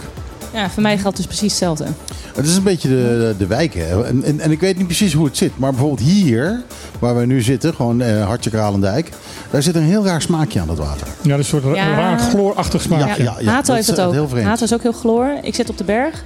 Bij mij is het meer dat eh, wat er aan de hand was. eh, mijn, eh, mijn huisbaas had dat echt allemaal heel erg op gelet en gekeken. Toch is er waarschijnlijk even iets met een leiding en het drinkwater. We hebben namelijk een waterreservoir voor regenwater. Dus niet de septic, maar regenwater, dus wel grijs water. En er was toch ergens Ja. een connectie, waarschijnlijk toch. Ondanks dat er een terugslagklep is, en Nou, weet het daar, allemaal. Daar is Maar de, ook wel heel bang voor, voor dat nou, soort situaties. Maar het punt is dat heel veel mensen dit ook echt serieus gewoon niet weten. Na de hele issue wat er eh, in Belnem eh, is ge- gebeurd. eh, met voor de, echt Ja. gewoon een volksgezondheidsprobleem. Maar daar ging echt rioolwater. Daar ging echt septic water. Septic inderdaad. water, de- de- de- en bij mij was het waarschijnlijk meer grijs water. Maar ik ben nu zo gewend, ik kook mijn water. En sindsdien is het prima. Dus ik drink nog steeds kraanwater, alleen ik kook het. Nou, ik, eh, ik zit dus in Belnem. En eh, gelukkig eh, nog net voor die plek waar dat gebeurd is, dat, er, dat er septic water eh, in, in de waterleiding werd gepompt door een of andere mafketel die, die dacht Geld dat wilde besparen. Nou, die dacht dat allemaal zelf wel even te kunnen. Ehm, eh, maar mijn water is, eh, is lekker, is prima. En daar, is niks mis Maar ik- mee. ik- ik zou het niet maar, even- maar ik heb er wel een filtertje tussen staan. Hè? Je, hebt van die, je kunt van die filtertjes kopen die je ertussen zet. En, Ik eh, begreep van kennissen, die hadden dat laatst op Facebook gepost, dat zij elk jaar vervangen. En dan is het ding gewoon diep donkerbruin. eh, elke twee maanden is het diep donkerbruin Oh, mij. Dus, eh, Is toch ook een beetje stof in de lucht, jongens? Dit is, eh, je wordt er ook toch niet. Ja, tenminste, het- je vertrouwt het web toch? Die levert ons water, daar worden we niet ziek van. En, ehm, Ja, eh, het web, maar alleen de oude, je weet niet de leiding, hoe oud ze zijn dan die huizen. Het web staat hier los van. Hè? Web doet een hartstikke, in mijn ogen, Mhm. een good job. Nou, niet, Dus helemaal, los van web. nee, niet helemaal los van, want eh, de web is ook verantwoordelijk voor de. Voor de, voor de Ja, maar ik bedoel meer wat er op een erf gebeurt. Hè? Dus ze zeggen ook tot aan de meter, daar kunnen ze checken, komen ze langs, komen ze testen. Ja. Maar als het na de meter op het persoon op een terrein ja, dan is het eigen verantwoordelijkheid. Ja. En daar hebben mensen nog af en toe wel eens even iets voor zichzelf te checken, denk ik. Oké, of door de huisbaas als je gewoon huurt. Hè? Dan kan dat ook. Ben je er niet zelf verantwoordelijk voor. Goed, wil ik nog even graag eh, iets aankaarten. Want het schijnt dat er een meneer op het eiland is. Die werd beschuldigd van een steekpartij in de topsupermarkt in 2014. En die zit al acht jaar onterecht. Een, een schietpartij. schietpartij. Geen steekpartij, een schietpartij. Nieuwe wet, schietpartij. Die zit waarschijnlijk al acht jaar onschuldig vast. Ja, er is na de, de eigenaar van de, van de supermarkt is in de tijd eh, doodgeschoten tijdens de overval. Ehm, eh, kort daarna kwam er een, iemand ehm, op, op Facebook en die zei van ik, eh, ik heb het gedaan. En uh, zus, zus en zo zo. En die pochte daar heel erg over en die is toen opgepakt. Eh, had ook nog een ex-vriendin die zei van ja, eh, ik herken hem, eh, dit, dit, eh, dit is de dader. Ja? Ehm, dat is, ehm, hij, daarna heeft hij altijd gezegd van jongens, ik heb het niet gedaan. Ik heb het alleen maar gedaan om eh, een beetje stoer te doen tegen, tegenover meisjes. Ja. En eh, ik, eh, ik heb dit niet gedaan. Eh, politie heeft daar verder niks mee gedaan. Eh, heeft alleen maar die twee, eh, of oh ja, alleen maar als bewijs van hey, hij ge- geeft het zelf toe en zijn vriendin zegt ook dat hij het is. Dat is tot aan de rechter toe is dat ja, Geaccepteerd. geaccepteerd en zelfs in hoog beroep. Oké. En nu is er de, de, de, de Knoops ehm, eh, Innocent Commi- Committee. Ja?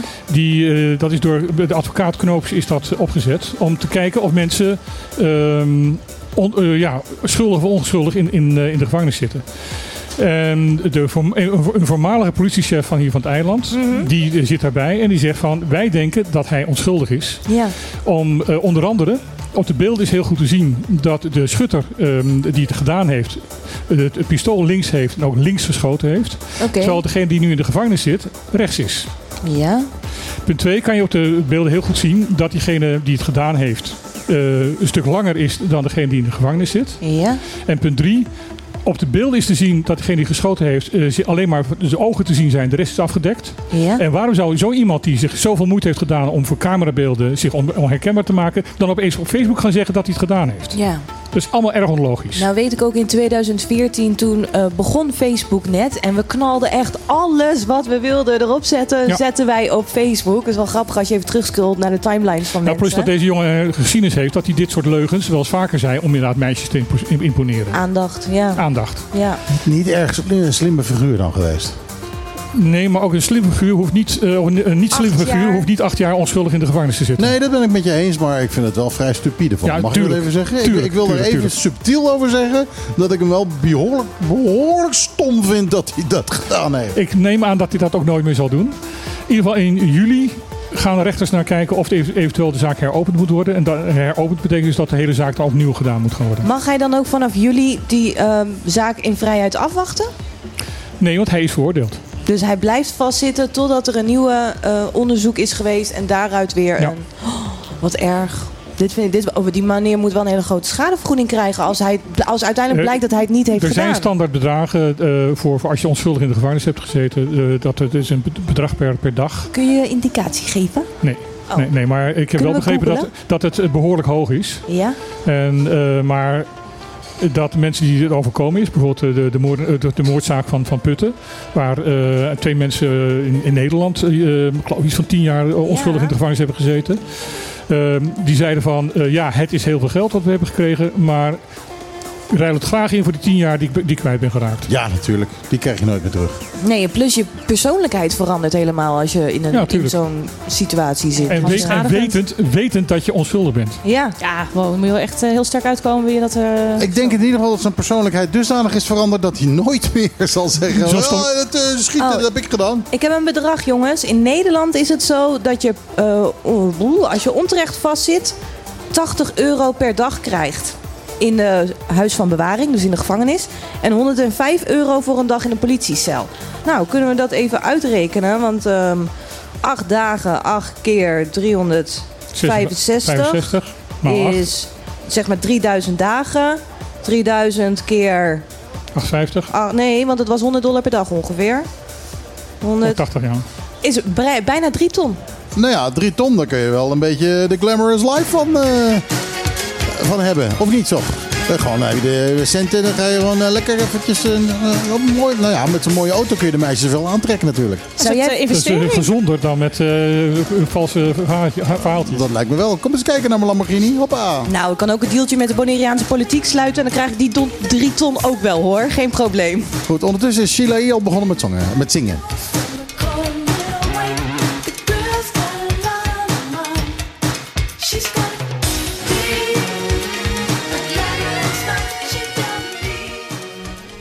Ja, eh, Michiel is eventjes naar de wc toe. Dus eh, heeft, heeft, daar zijn ze tegen stop. Wel, natuurlijk. Wij zijn, op, wij zijn transparant. Nou doet Martijn even de ja. Zo. Dat ga je toch niet op de radio zeggen? Wel, dus we, zijn tra- we zijn transparant. Ja. Oh ja, lekker. Nou ja, eh, je hoorde dus net eh, Sheila Escovedo, eh, afgekort tot eh, Sheila I, omdat je Escovedo niet goed kan zeggen. Ehm, en zij heeft een tijdje natuurlijk gedrumd in de band van Prins. En Prins heeft dit ook geproduceerd, dit gebeuren. Eh, en ja, tegenwoordig, uh, ja, ze is een enorm goede percussioniste. En ze, ze, zit nu wat meer in de jazz en de Latin. Mm -hmm. Maar uh, ja, schijnt, ze treedt nog steeds op. Schijnt een zeer onaangenaam persoon te zijn. Dat weet ik niet. Dat weet ik niet. Durf ik niet nou, ik heb verhalen van via via gehoord van, van de, de. Zij heeft in Engeland bij The Voice gezeten. Oké. Okay. Als, als coach. En het is een soort Anouk. Nog een graadje erger. Nog een graadje erger. We moeten er niet aan denken. Hebben we nog wat nieuws? Ja, want à la minuut, dit moment, spreken, gesproken, is de dame van uh, Sweetie Bonaire. Weet je wel, onze dame van de koekjes. Ja, en uh, Elisa Arendel. Die is met de koning en koningin aan het spreken over haar entrepreneurship op het eiland als startende ondernemer. En nou vertelde Meerte mij net, ont... nou ik ben helemaal van de leg. Meerte, trap hem af. Nou, uh, vorige week uh, kreeg ik uh, via via te horen dat, heel leuk, de, de belastingvrije som, die was omho omhoog gegaan, toch? Zeg dat goed? Of ja, behoorlijk omhoog Ja, die is omhoog gegaan. Maar als jij als ondernemer een BV hebt en jij bent zelf uitvoerend directeur, eh, moet je jezelf een minimum eh, salaris eh, uitkeren. Want anders dan eh, kan je weer met je inkomstenbelasting... Ja, nou ja, 14.000 per jaar moet je verdienen. dat was, het, eh, Ja. dat was het minimum. En dat En- hebben ze nu eigenlijk gewoon een soort stilzwijgend, zonder te communiceren, is dat verhoogd naar 25.000 per Ja. jaar. Dit gaat, Ja. is per 1 januari eh, is het al ingegaan en we weten het pas sinds vorige week. Ja, dat, is, eh, dat klopt inderdaad. Dat kreeg ik ook te horen, want Dus ik ben dat is ook een van de ontvangers daarvan. Ja. Dus dan ben je verplicht heel rijk. Maar dat betekent dat je je bedrijf eh, aan het leeglopen is. Juist. Als je dus een startende ondernemer bent, heel veel mensen ook inderdaad die denken, BV, BV, en dan verdient je toch hartstikke veel. Maar dat is hier op Bonaire echt niet het geval. Die drempel is hier veel Heel lager veel dan mensen hier hebben zelfs met die 14.000 heel, heel, heel Ja, veel nou ja, problemen. ik zit ook op het randje. In de zin van, ik zat op een gegeven moment dat ik net iets te veel verdiende voor eh eenmanszaak. Eh, dus ik op een gegeven moment dacht, oké, dan investeer ik in een BV. Dus eh, met alle opstartkosten die erbij komen. En ik wankel ook steeds op dat randje. En nu met deze verhoging, eh, ja, dat is een dingetje. Ja, mijn bedrijf kan het ook niet betalen. Dat is eh, heel raar natuurlijk. Dat en ik je... denk met ons dus heel veel ondernemers. Ja. Ja, en, en wat, wat me stoort, en dat is de tweede keer dat Economische Zaken dat doet. Dus ik bedoel, hebben dat met de, de verhoging van de kosten van de, eh, eh, de KVK, de Kamer van Koophandel, exact hetzelfde gedaan. Gewoon doen. En dat ergens in een staatskrant of zo eh, publiceren. En voor de rest helemaal geen publiciteit aan geven. En dan gewoon opeens bam zeggen van jongens, ja, nee, we hebben gepubliceerd. Dus eh eh jullie hadden kunnen protesteren. Ja, maar we wisten het niet. Ja, maar dan had je het gewoon moeten weten. Ja. Maar dit maakt wel dat er voor een startende ondernemer eigenlijk geen kans is. Behalve als je een hele grote geldschieter hebt die jou die 25.000 per jaar geeft of dingen afneemt zodat jij 25.000 eh, jezelf kan, kan uitbetalen. Maar eh, voor de rest als normale ondernemer is gewoon na één jaar ben je gewoon af. Ben je klaar? Ben je kla- Nou ja, eh, de Belastingdienst heeft nog wel eh, de afgelopen jaren ook met die 14.000 dollar gezegd van oké, de eerste twee jaar gaan we daar niet al te streng op controleren. Oké.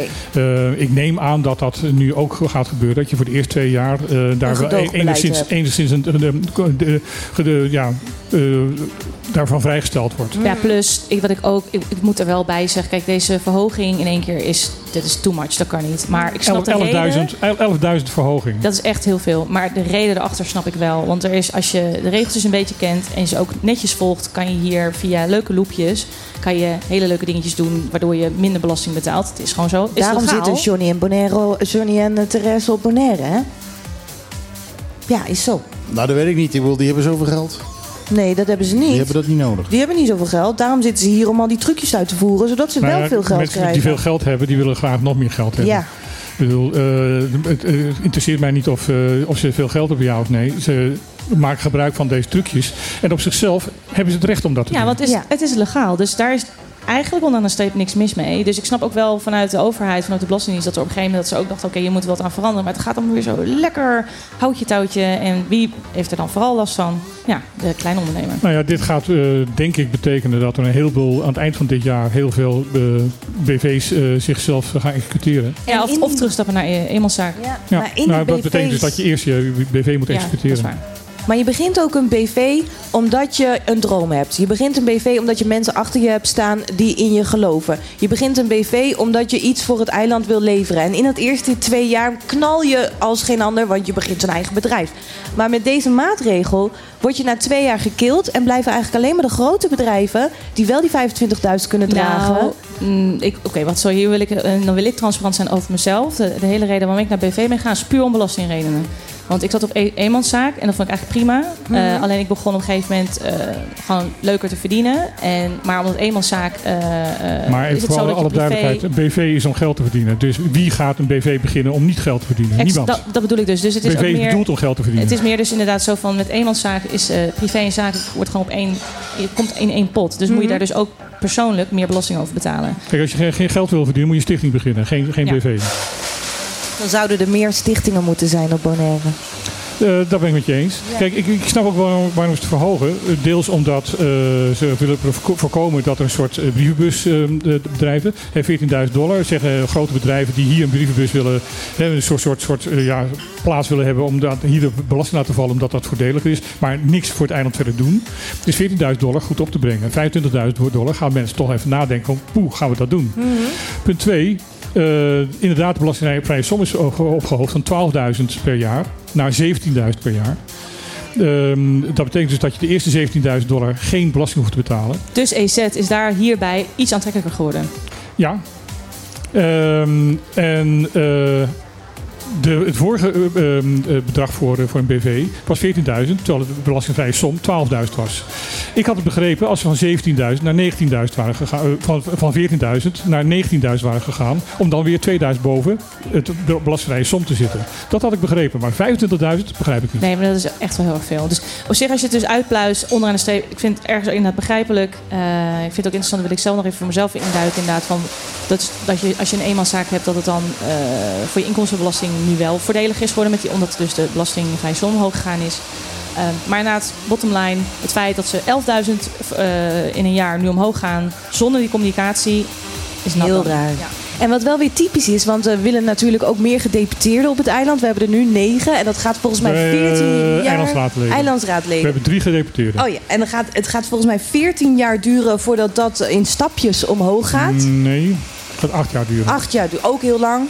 Maar eh, eh, dat dit wel in één maand geregeld kan worden, dat vind ik eh, typisch. Nee, dit hebben ze natuurlijk al een jaar lang voorbereid. Alleen wat ik niet begrijp is van dat ze het 1 januari invoeren en op 12 januari pas beke- bekendmaken. Ja. Dat begrijp ik niet, want dan hadden ze gewoon twee maanden. Ze hadden het namelijk november vorig jaar bekend moeten maken. Want dan hadden mensen zich er. Ik bedoel, er zijn ook nu accountants. Dat is toch dwaling, Er zijn, of niet? er zijn ook accountants die gewoon eh, al, heel, alle mogelijke voorbereiden hebben gedaan voor, eh, voor administratie, eh, voor, voor loonadministratie. Die het allemaal nu overnieuw kunnen gaan Ja. doen. Maar dit is toch dwaling eigenlijk, wat ze hebben gedaan? Ja, ik denk dat Unkelbon hier wel wat mee kan hoor. Ja, dat denk ik ook. Ik denk dat die Wat zeker wel even kunnen zeggen van... eh, Dwaling dat je misleidt met informatie. Oh, oké. Ja. ja, het is heel trumperig. Ja. En eh, daar zijn er nog wel andere punten. Ik weet niet of, of het tijd weer voor muziek is. Maar ehm, ja, jij had hem eh, aan, eh aangestuurd. Ik ben hem nu Ja, kwijt. we Je had hebben een van onze, onze Glenn Today, die was een tijdje geleden op het eiland voor een adviesgroepje. En dan gingen ze even onderzoeken. En Nou, dat hij zit in heel wat advie- adviesgroepjes. Hij zit ook in het CFT. Ja. Het College Financieel Toezicht. Ja. Wel, die Glenn Today, dat is Die trouwens een nieuwe voorzitter heeft nu. Hè? Oh ja? Ja. Oh, de bril gaat op bij Dat is ook, ook nieuws. Eh, een nieuwe voorzitter. Ja, de, de oude voorzitter is ge- eh, vrij snel opeens eh, afgetreden. En de nieuwe voorzitter is Liedewij eh Ongering. Ehm, on- ongering, ongering, ik weet niet hoe je Ongering, ja. Eh, en die is oud eh, st- eh, secretaris-generaal van Economische Zaken. En die zal dan wel wat kunnen. Die zal waarschijnlijk wel iets van fi- financiën afweten. En zij wordt dus nu de nieuwe voorzitter van eh, het College Financieel Toezicht, BES. Oké, en onze Glenn blijft erin zitten? Glenn blijft er voorlopig in zitten. Eh, ik weet alleen niet hoe lang. Ja, dat weet je nooit op dit eiland. Nee, nee. Goed. Goed, nou zal ik dan maar een plaatje draaien. Ik heb eh, de Smits met Panic. Eh, het klinkt allemaal sowieso als paniek hier, dus dat moet kunnen.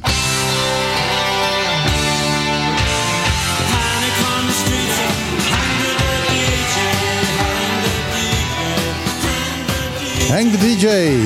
Waarom ook niet? Panic. Eh, En dat zijn de Smits. En als we het dan toch over artiesten hebben die niet uit te staan zijn. eh how about Morrissey, de zanger van de Smits. Dat weet iedereen. Zelfs weet mensen iedereen. die hem nog nooit hebben ontmoet, die weten dat het een verschrikkelijke gast is. Weet je wat ook een verschrikking is? Dat er nog steeds werk gemaakt moet worden van een gelijke behandelingswetgeving. Omdat we niet gelijk behandeld worden hier in Caribisch Nederland. Ja, nou ja, dat, Nou, staat, dat staat in de grondwet. Dat eh, gaat sowieso minimaal acht jaar duren voordat je dat uit de grondwet hebt gekregen. Nou, er is een begin. We hebben in de, eh, toen uh, Todé met zijn eh, commissie hier was, met eh, ook zijn assistenten, hebben we erover ge- gepraat. En we hebben toen ook gezegd van jongens, hoe kunnen wij over gelijk, gelijkwaardigheid en eh gelijkbehandeling praten als het in de grondwet staat dat hier ongelijk behandeld worden. En dat wij in feite gedegradeerd zijn tot minimaal tweede rangsburgers, misschien zelfs wel derde rangsburgers. Nou ja, dat kan geen derde rangsburger zijn omdat er geen tweede rangsburgers zijn. Dat is eigenlijk het enige probleem. Anders zouden we natuurlijk eh, al lang zesde rangsburgers zijn. Ja, nou goed, oké. Ehm, de- dat hebben ze eh, meegenomen. Toen hebben we ook ge- gezegd van eh, die wet ge- gelijk, eh, gelijkbehandeling die moet er gewoon komen. En daarna moet er verder gepraat. Ja. Ehm, Todé heeft in zijn eindrapport, wat hij heeft aangeboden aan de, de minister, ehm, een, een, een, eh, paragra- paragraafje opgenomen. Waar hij inderdaad zegt van ja, we hebben het nu over gelijkwaardigheid. Maar dan moet ook de gelijkwaardigheid binnen de BES dus eh, ook wel gegarandeerd gaan worden. Ja, want, Ja, hoe hij kunnen heeft we, het genoemd. want hoe kunnen we praten over gelijke behandelingen hier op het eiland... als we niet eens door onze moeder, hè, Nederland, eh, gelijk behandeld worden? dat, is gewoon, dat, dat is het punt. Gelijkwaardigheid binnen Nederland. We zijn hier in Nederland en we willen gewoon gelijkwaardig hebben, eh, gelijkwaardigheid hebben ten opzichte van de andere Nederlanders. Ja. Afgelopen week heb ik iemand gesproken die al eh, zes jaar bij hetzelfde bedrijf werkt. En al zes jaar voor het minimumloon van 6,5 dollar.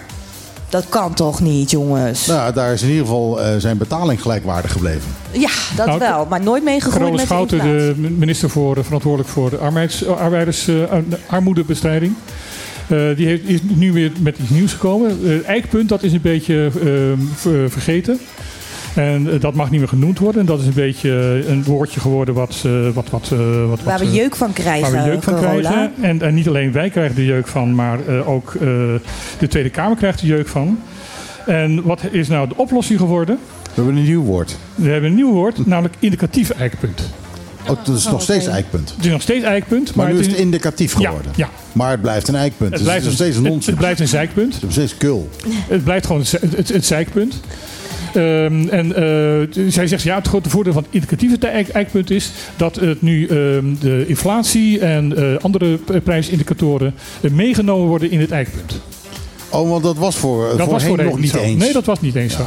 En alsnog durfden ze het aan om met een privéjet deze kant op te komen, drie eilanden te bezoeken en vervolgens geen conjo te doen aan onze armoedebestrijding. Wat een topminister zeg. Lekker bezig. Over conjo's gesproken. eh, we hebben drie mensen eh, uit- van het Koninklijke Huis nu een beetje rondlopen hier. Weet iemand of ze die 75 dollar hebben betaald? eh, Entry tax. eh, die entry tax. nou, het, is niet alsof, het is niet alsof ze het niet hebben. Dat is een goede vraag. Dat weet alleen eh, meneer Tielman. Want die kan de cijfers zien kijken wie er allemaal eh, binnenkomen. Dat vind ik een verdomd goede vraag. Die heeft bezit Nou, zomaar. over eh, de Ja, rekening. Het komt zomaar ineens in me op. Ik denk, hé, hey, nee, nou, weet je wel, ik heb, gewoon, ik heb even een helder moment. Zullen we het aan de Rijksvoorlichting vragen? Eh, ja, bel jij eens even? ik heb geen nummer. Misschien wel Flamingo Airport die gegevens Maar ik, heb wel, ik, ik, ik kan wel het eventueel naar iemand van communicatie van RCN vragen. En als het water in lopen, ben ik eigenlijk ook wel benieuwd of ze... Dus die Napatek hebben of ze betaald. Sinapatek hebben betaald. 60 dollar. Ik ben eigenlijk wel benieuwd waar zij... eh, dan moest ik, dat moet ik dan aan denken. Want ze hebben natuurlijk eh, een vrije dag eh, morgen, toch? Ja, ze hebben een eh, vrijdag. En dan denk, denk ik van, nou, ben je hier in... eh, ik denk dan, nou, dan wil je toch even lekker de zee in. Maar waar gaan ze... Kan dat wel voor hun hier, zonder dat ze helemaal... Nou, volgens mij zitten ze bij Bellefonte. Nee, Nee. want we Nee? hebben de meneer van Belafonte hier een keer aan tafel gehad. Toen vroeg ik, waar gaan ze logeren? Hij zegt, ik weet het niet, maar niet bij mij. Oké.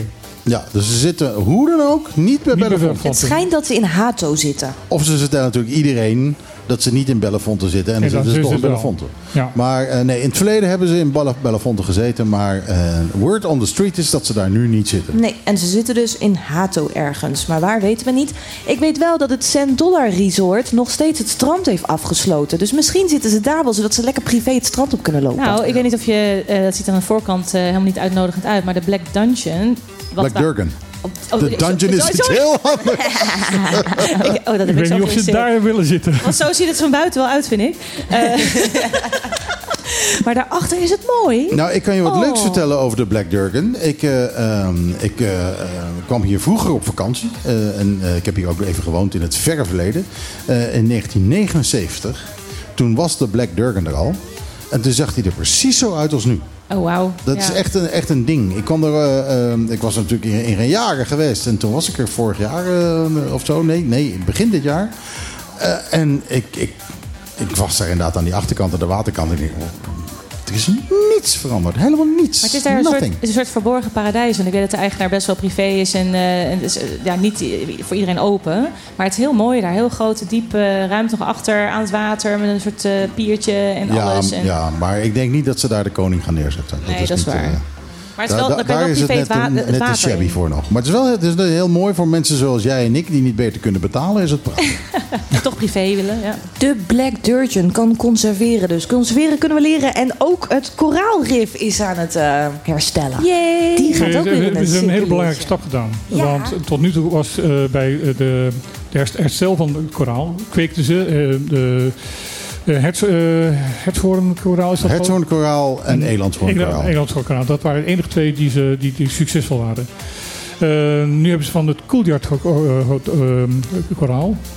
Eh, daar zijn verschillende soorten van. En dat was veel moeilijker. Eh, zijn ze nu ook succesvol dat aan terugplanten. En dat is heel belangrijk, omdat dit koraalsoorten zijn die heel erg belangrijk zijn voor het ecosysteem. En twee van die soorten die ze nu kunnen, kunnen terugplaatsen, die zijn bedreigd op dit moment. Oké. Dus eh, dat is belangrijk. Eh, ze hebben een nieuwe methode gevonden. Dus ze maken halve bolletjes van cement. Daar Ja. drukken ze de stukjes koraal in. En dat wordt op het, op het koraal geplaatst. Eh, het is cement wat onder water uithardt. Ja. Dus eh, dat wordt eh, onverbrekelijk verbonden met het koraal. Dat wordt daarmee een onderdeel van het koraal. En die stukjes die in dat cement zitten, groeien dan uiteindelijk over het beton heen. Ja, dat, eh, dat hebben, heen. zien we natuurlijk nu al. Eh, eh, tot, tot nu toe is er gewerkt met hertshoornkoraal en elandshoornkoraal. En met name dat hertshoornkoraal. Eh, dat is één keer geoogst. En dat hebben Mhm. ze in al die, in al die onderwaterkerstbomen hebben ze dat gehangen. Ja. Ehm, en dat groeit daar vrij snel. En als het groot genoeg is, dan breken ze het af. En een Ja. stuk laten ze hangen. En dat Ja, groeit weer dat verder. groeit weer aan. En wat ze afbreken, dat ehm, werkt, wordt, moet ik zeggen, ehm, op rekken onder water, eh, gebonden met gewone tie wraps. En dat koraal dat groeit over die tie wraps heen. En eh, dat zie je dan op een gegeven moment niet meer. En dat, dat groeit dus eh, over, over dat hele rek heen. En eh, in no time zie je dat rek niet meer. Zie je alleen maar het koraal. En dat werkt prachtig. We hebben natuurlijk wel een probleem met het feit dat de ocean levels aan het omhoog komen zijn. Dus ja, hertshoorn koraal is een vrij ondiep koraal.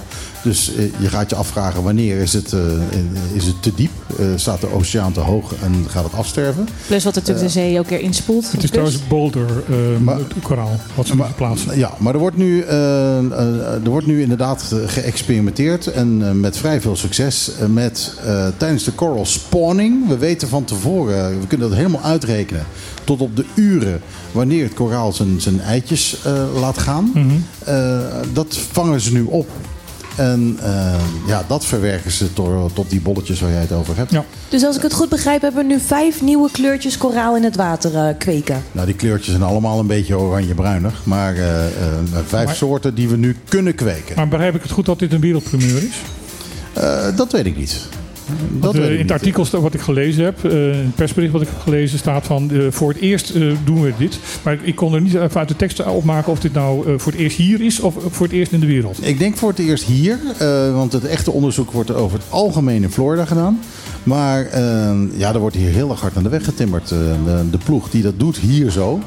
Eh, Coral Restoration, het Reef Renewal project. Mhm. eh, dat zijn hele harde, hele harde werkers. eh, Ja, die ja. die ja, ook inderdaad wel on the edge of the technology bezig zijn. Ja, ze, ze zijn geen, ze, komen niet, ze hebben geen Nederlandse afkomst, maar ik vind, ik vind wel dat ze een lintje verdienen. Absoluut, absoluut. Ehm, ik heb, eh, zoals je misschien weet, eh, een metaaldetector. En via die metaaldetector werk ik met STCB. En daar is ook een leuk artikeltje over. Want die zijn namelijk vorig jaar begonnen met eh, ja, kastjes te begraven in het zand. Om de temperatuur te Ehm, meten. Om de temperaturen te meten. Ehm, omdat ze een idee hebben of er iets gebeurt met die temperaturen. Waar natuurlijk die, die, die, die schildpadden allemaal hun eieren Mhm. leggen in het zand. Ehm, maar ja, als je die kastjes begraaft. Hè, 30, 40 centimeter onder het zand. Hoe vind je ze dan weer terug? Dus eh, ik heb met ze gepraat. En eh nou zijn die kastjes zelfs grotendeels plastic. En die kun je niet echt makkelijk meer terugvinden met een metaaldetector. Mhm. Maar eh, wat we bedacht hebben, is er gewoon conserveblikjes naast te begraven. En zo zijn ze makkelijk terug te vinden. Nou, die, die sensors die hebben onder het zand gezeten, een heel jaar lang nu. En momenteel worden al die sensors weer teruggevonden eh, met metaaldetectors en eh, met die blikjes erbij. Die overigens voor een groot gedeelte al behoorlijk verroest zijn. Eh, sommige van die sensors zijn door ja, water, stormen en dergelijke al weggespoeld. Maar de meeste hebben ze teruggev- teruggevonden. En er begint zich langzaam maar zeker inderdaad een plaatje te vormen. Weet je al een beetje waar, welke kant het toch gaat? Eh, durf ik nog niks over te zeggen. Maar, eh, want nog niet alle sensors zijn, eh, eh, zijn opgegraven. Mhm. Maar dat is wel waar, eh, waar we nu deze weken mee bezig zijn.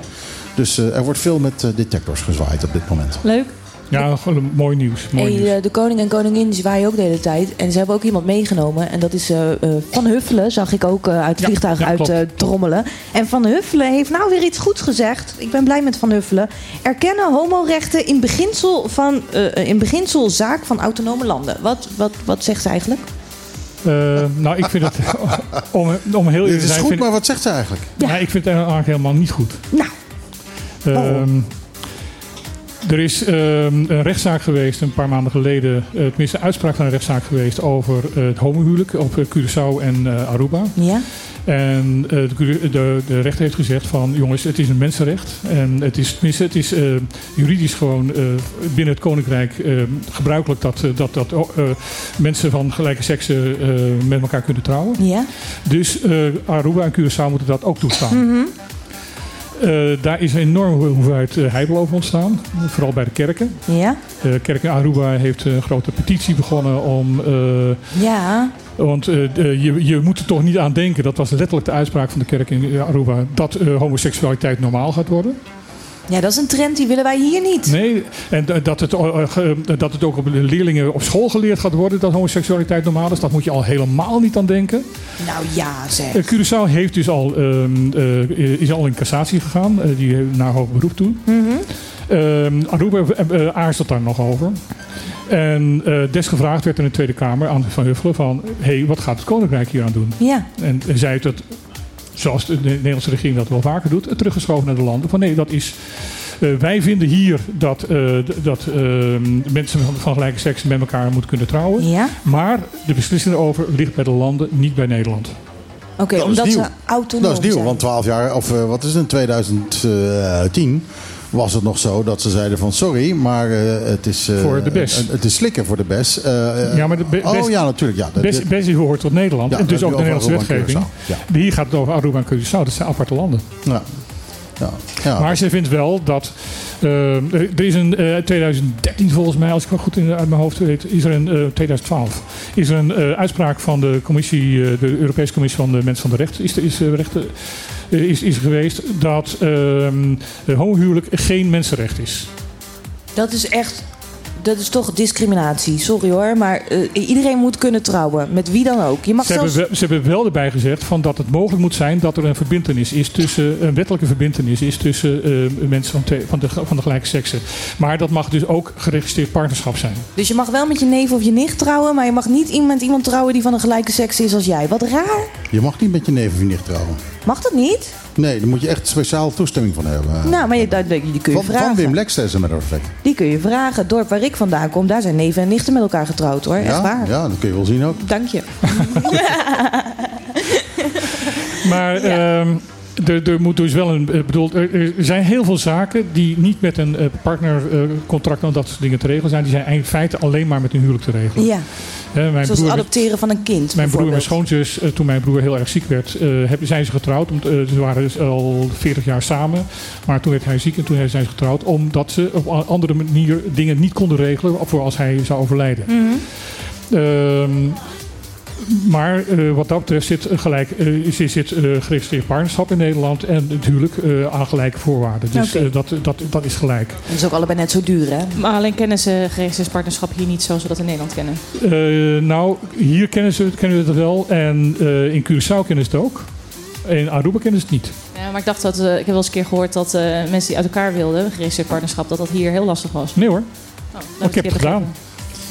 Ik snap niet waar mensen zich druk over maken. Ja, je mag wel met de verkeerde trouwen, de verkeerde partner, maar je mag niet met iemand van de gelijke seks Nee, trouwen. maar ik, ik, ik spreek dit tegen, want ik, eh, ik, eh, mijn ex en ik hadden inderdaad geregistreerd partnerschap. En eh, het, het is een bemiddeling vragen bij een mediator. eh, die ook constateert van dat, eh, dat, het, eh, ja, dat dat niet meer goed gaat komen. En teken, ondertekent dat. En daarmee is het in feite klaar. Je hoeft, eh, het voordeel van een geregistreerd partnerschap ten opzichte van huwelijk, je hoeft dat niet via de rechter te doen. Je kan dat via een mediator doen. Ja. Ja, maar waarom zou je er druk over maken? Bedoel, stel nou hè, dat mijn, ah, mijn buren zijn twee homo's. Ja. En die liggen eh, te doen s'avonds donker in hun bed eh, wat homo's doen. Gaat mij niet aan. Eh, gaat mij toch, ten eerste gaat mij dat helemaal niet aan. Eh, ten tweede merk ik het niet dat ze dat doen. Nou, en dan gaan ze trouwen. Dan doen ze precies hetzelfde. En dan ligt er alleen een, eh, een trouwboekje ergens in een la. Wat is je probleem? Wat, wat, ja, wat, dat, roep ik al, al 30, al 40 jaar. Dus, eh, Ik, ja, ik, eh, ik heb daar. eh, ik, ik snap daar geen bal van. En, Maar goed, dat heb ik ook inderdaad ook wel vaker in dit programma gezegd. Eh, wat, wat is dit? Ja, Waar- volgens mij hadden we het daar ook vorige week over dat sommige mensen met bepaalde overtuigingen gewoon moeten wachten totdat ze doodgaan, omdat ze hun overtuigingen toch nooit zullen veranderen. Ja, dat klopt. Ja, nou hoop ik dat die mensen heel snel doodgaan. Ik weet, je mag niemand de dood toewensen, maar eh, alles in het belang van onze maatschappij. Ja, bemoei je eens een keer met jezelf, denk Ja, ik dan. precies. Ga eens even naar jezelf kijken. Misschien moet je eens een in keer ophouden met je vrouw te slaan. Ja. ik, Er eh, zijn ook veel mannen die dat doen, hè? je, daar ken ik nog een grapje over, maar een andere keer. Ehm, Ja, we hebben dus we we wachten zitten allemaal vol op jou. Ja, ja, ja, ja. Ik denk van nee, ik hou hem even in. Eh, eind van het programma. Ja. Eind van het programma. Ja, meneer Ron vroeg of we stipt om eh, twee uur wilden stoppen, want eh, anders kwam de rest van de programmering vandaag in het geding. Oké, dus, eh, dan ga ik zo gauw mogelijk eh, eh, Transmission erin gooien. Dat is dus de nieuwe single van Elke Klein in de Joris Voorn remix. Eh, maar niet voordat ik jullie vertel dat Ron Gijzen zometeen om 12 uur, tenminste, na, wat zeg nou 12 uur, 2 uur, na het nieuws de eh Klaat op 20 eh, helemaal aan jullie gaat voorleggen.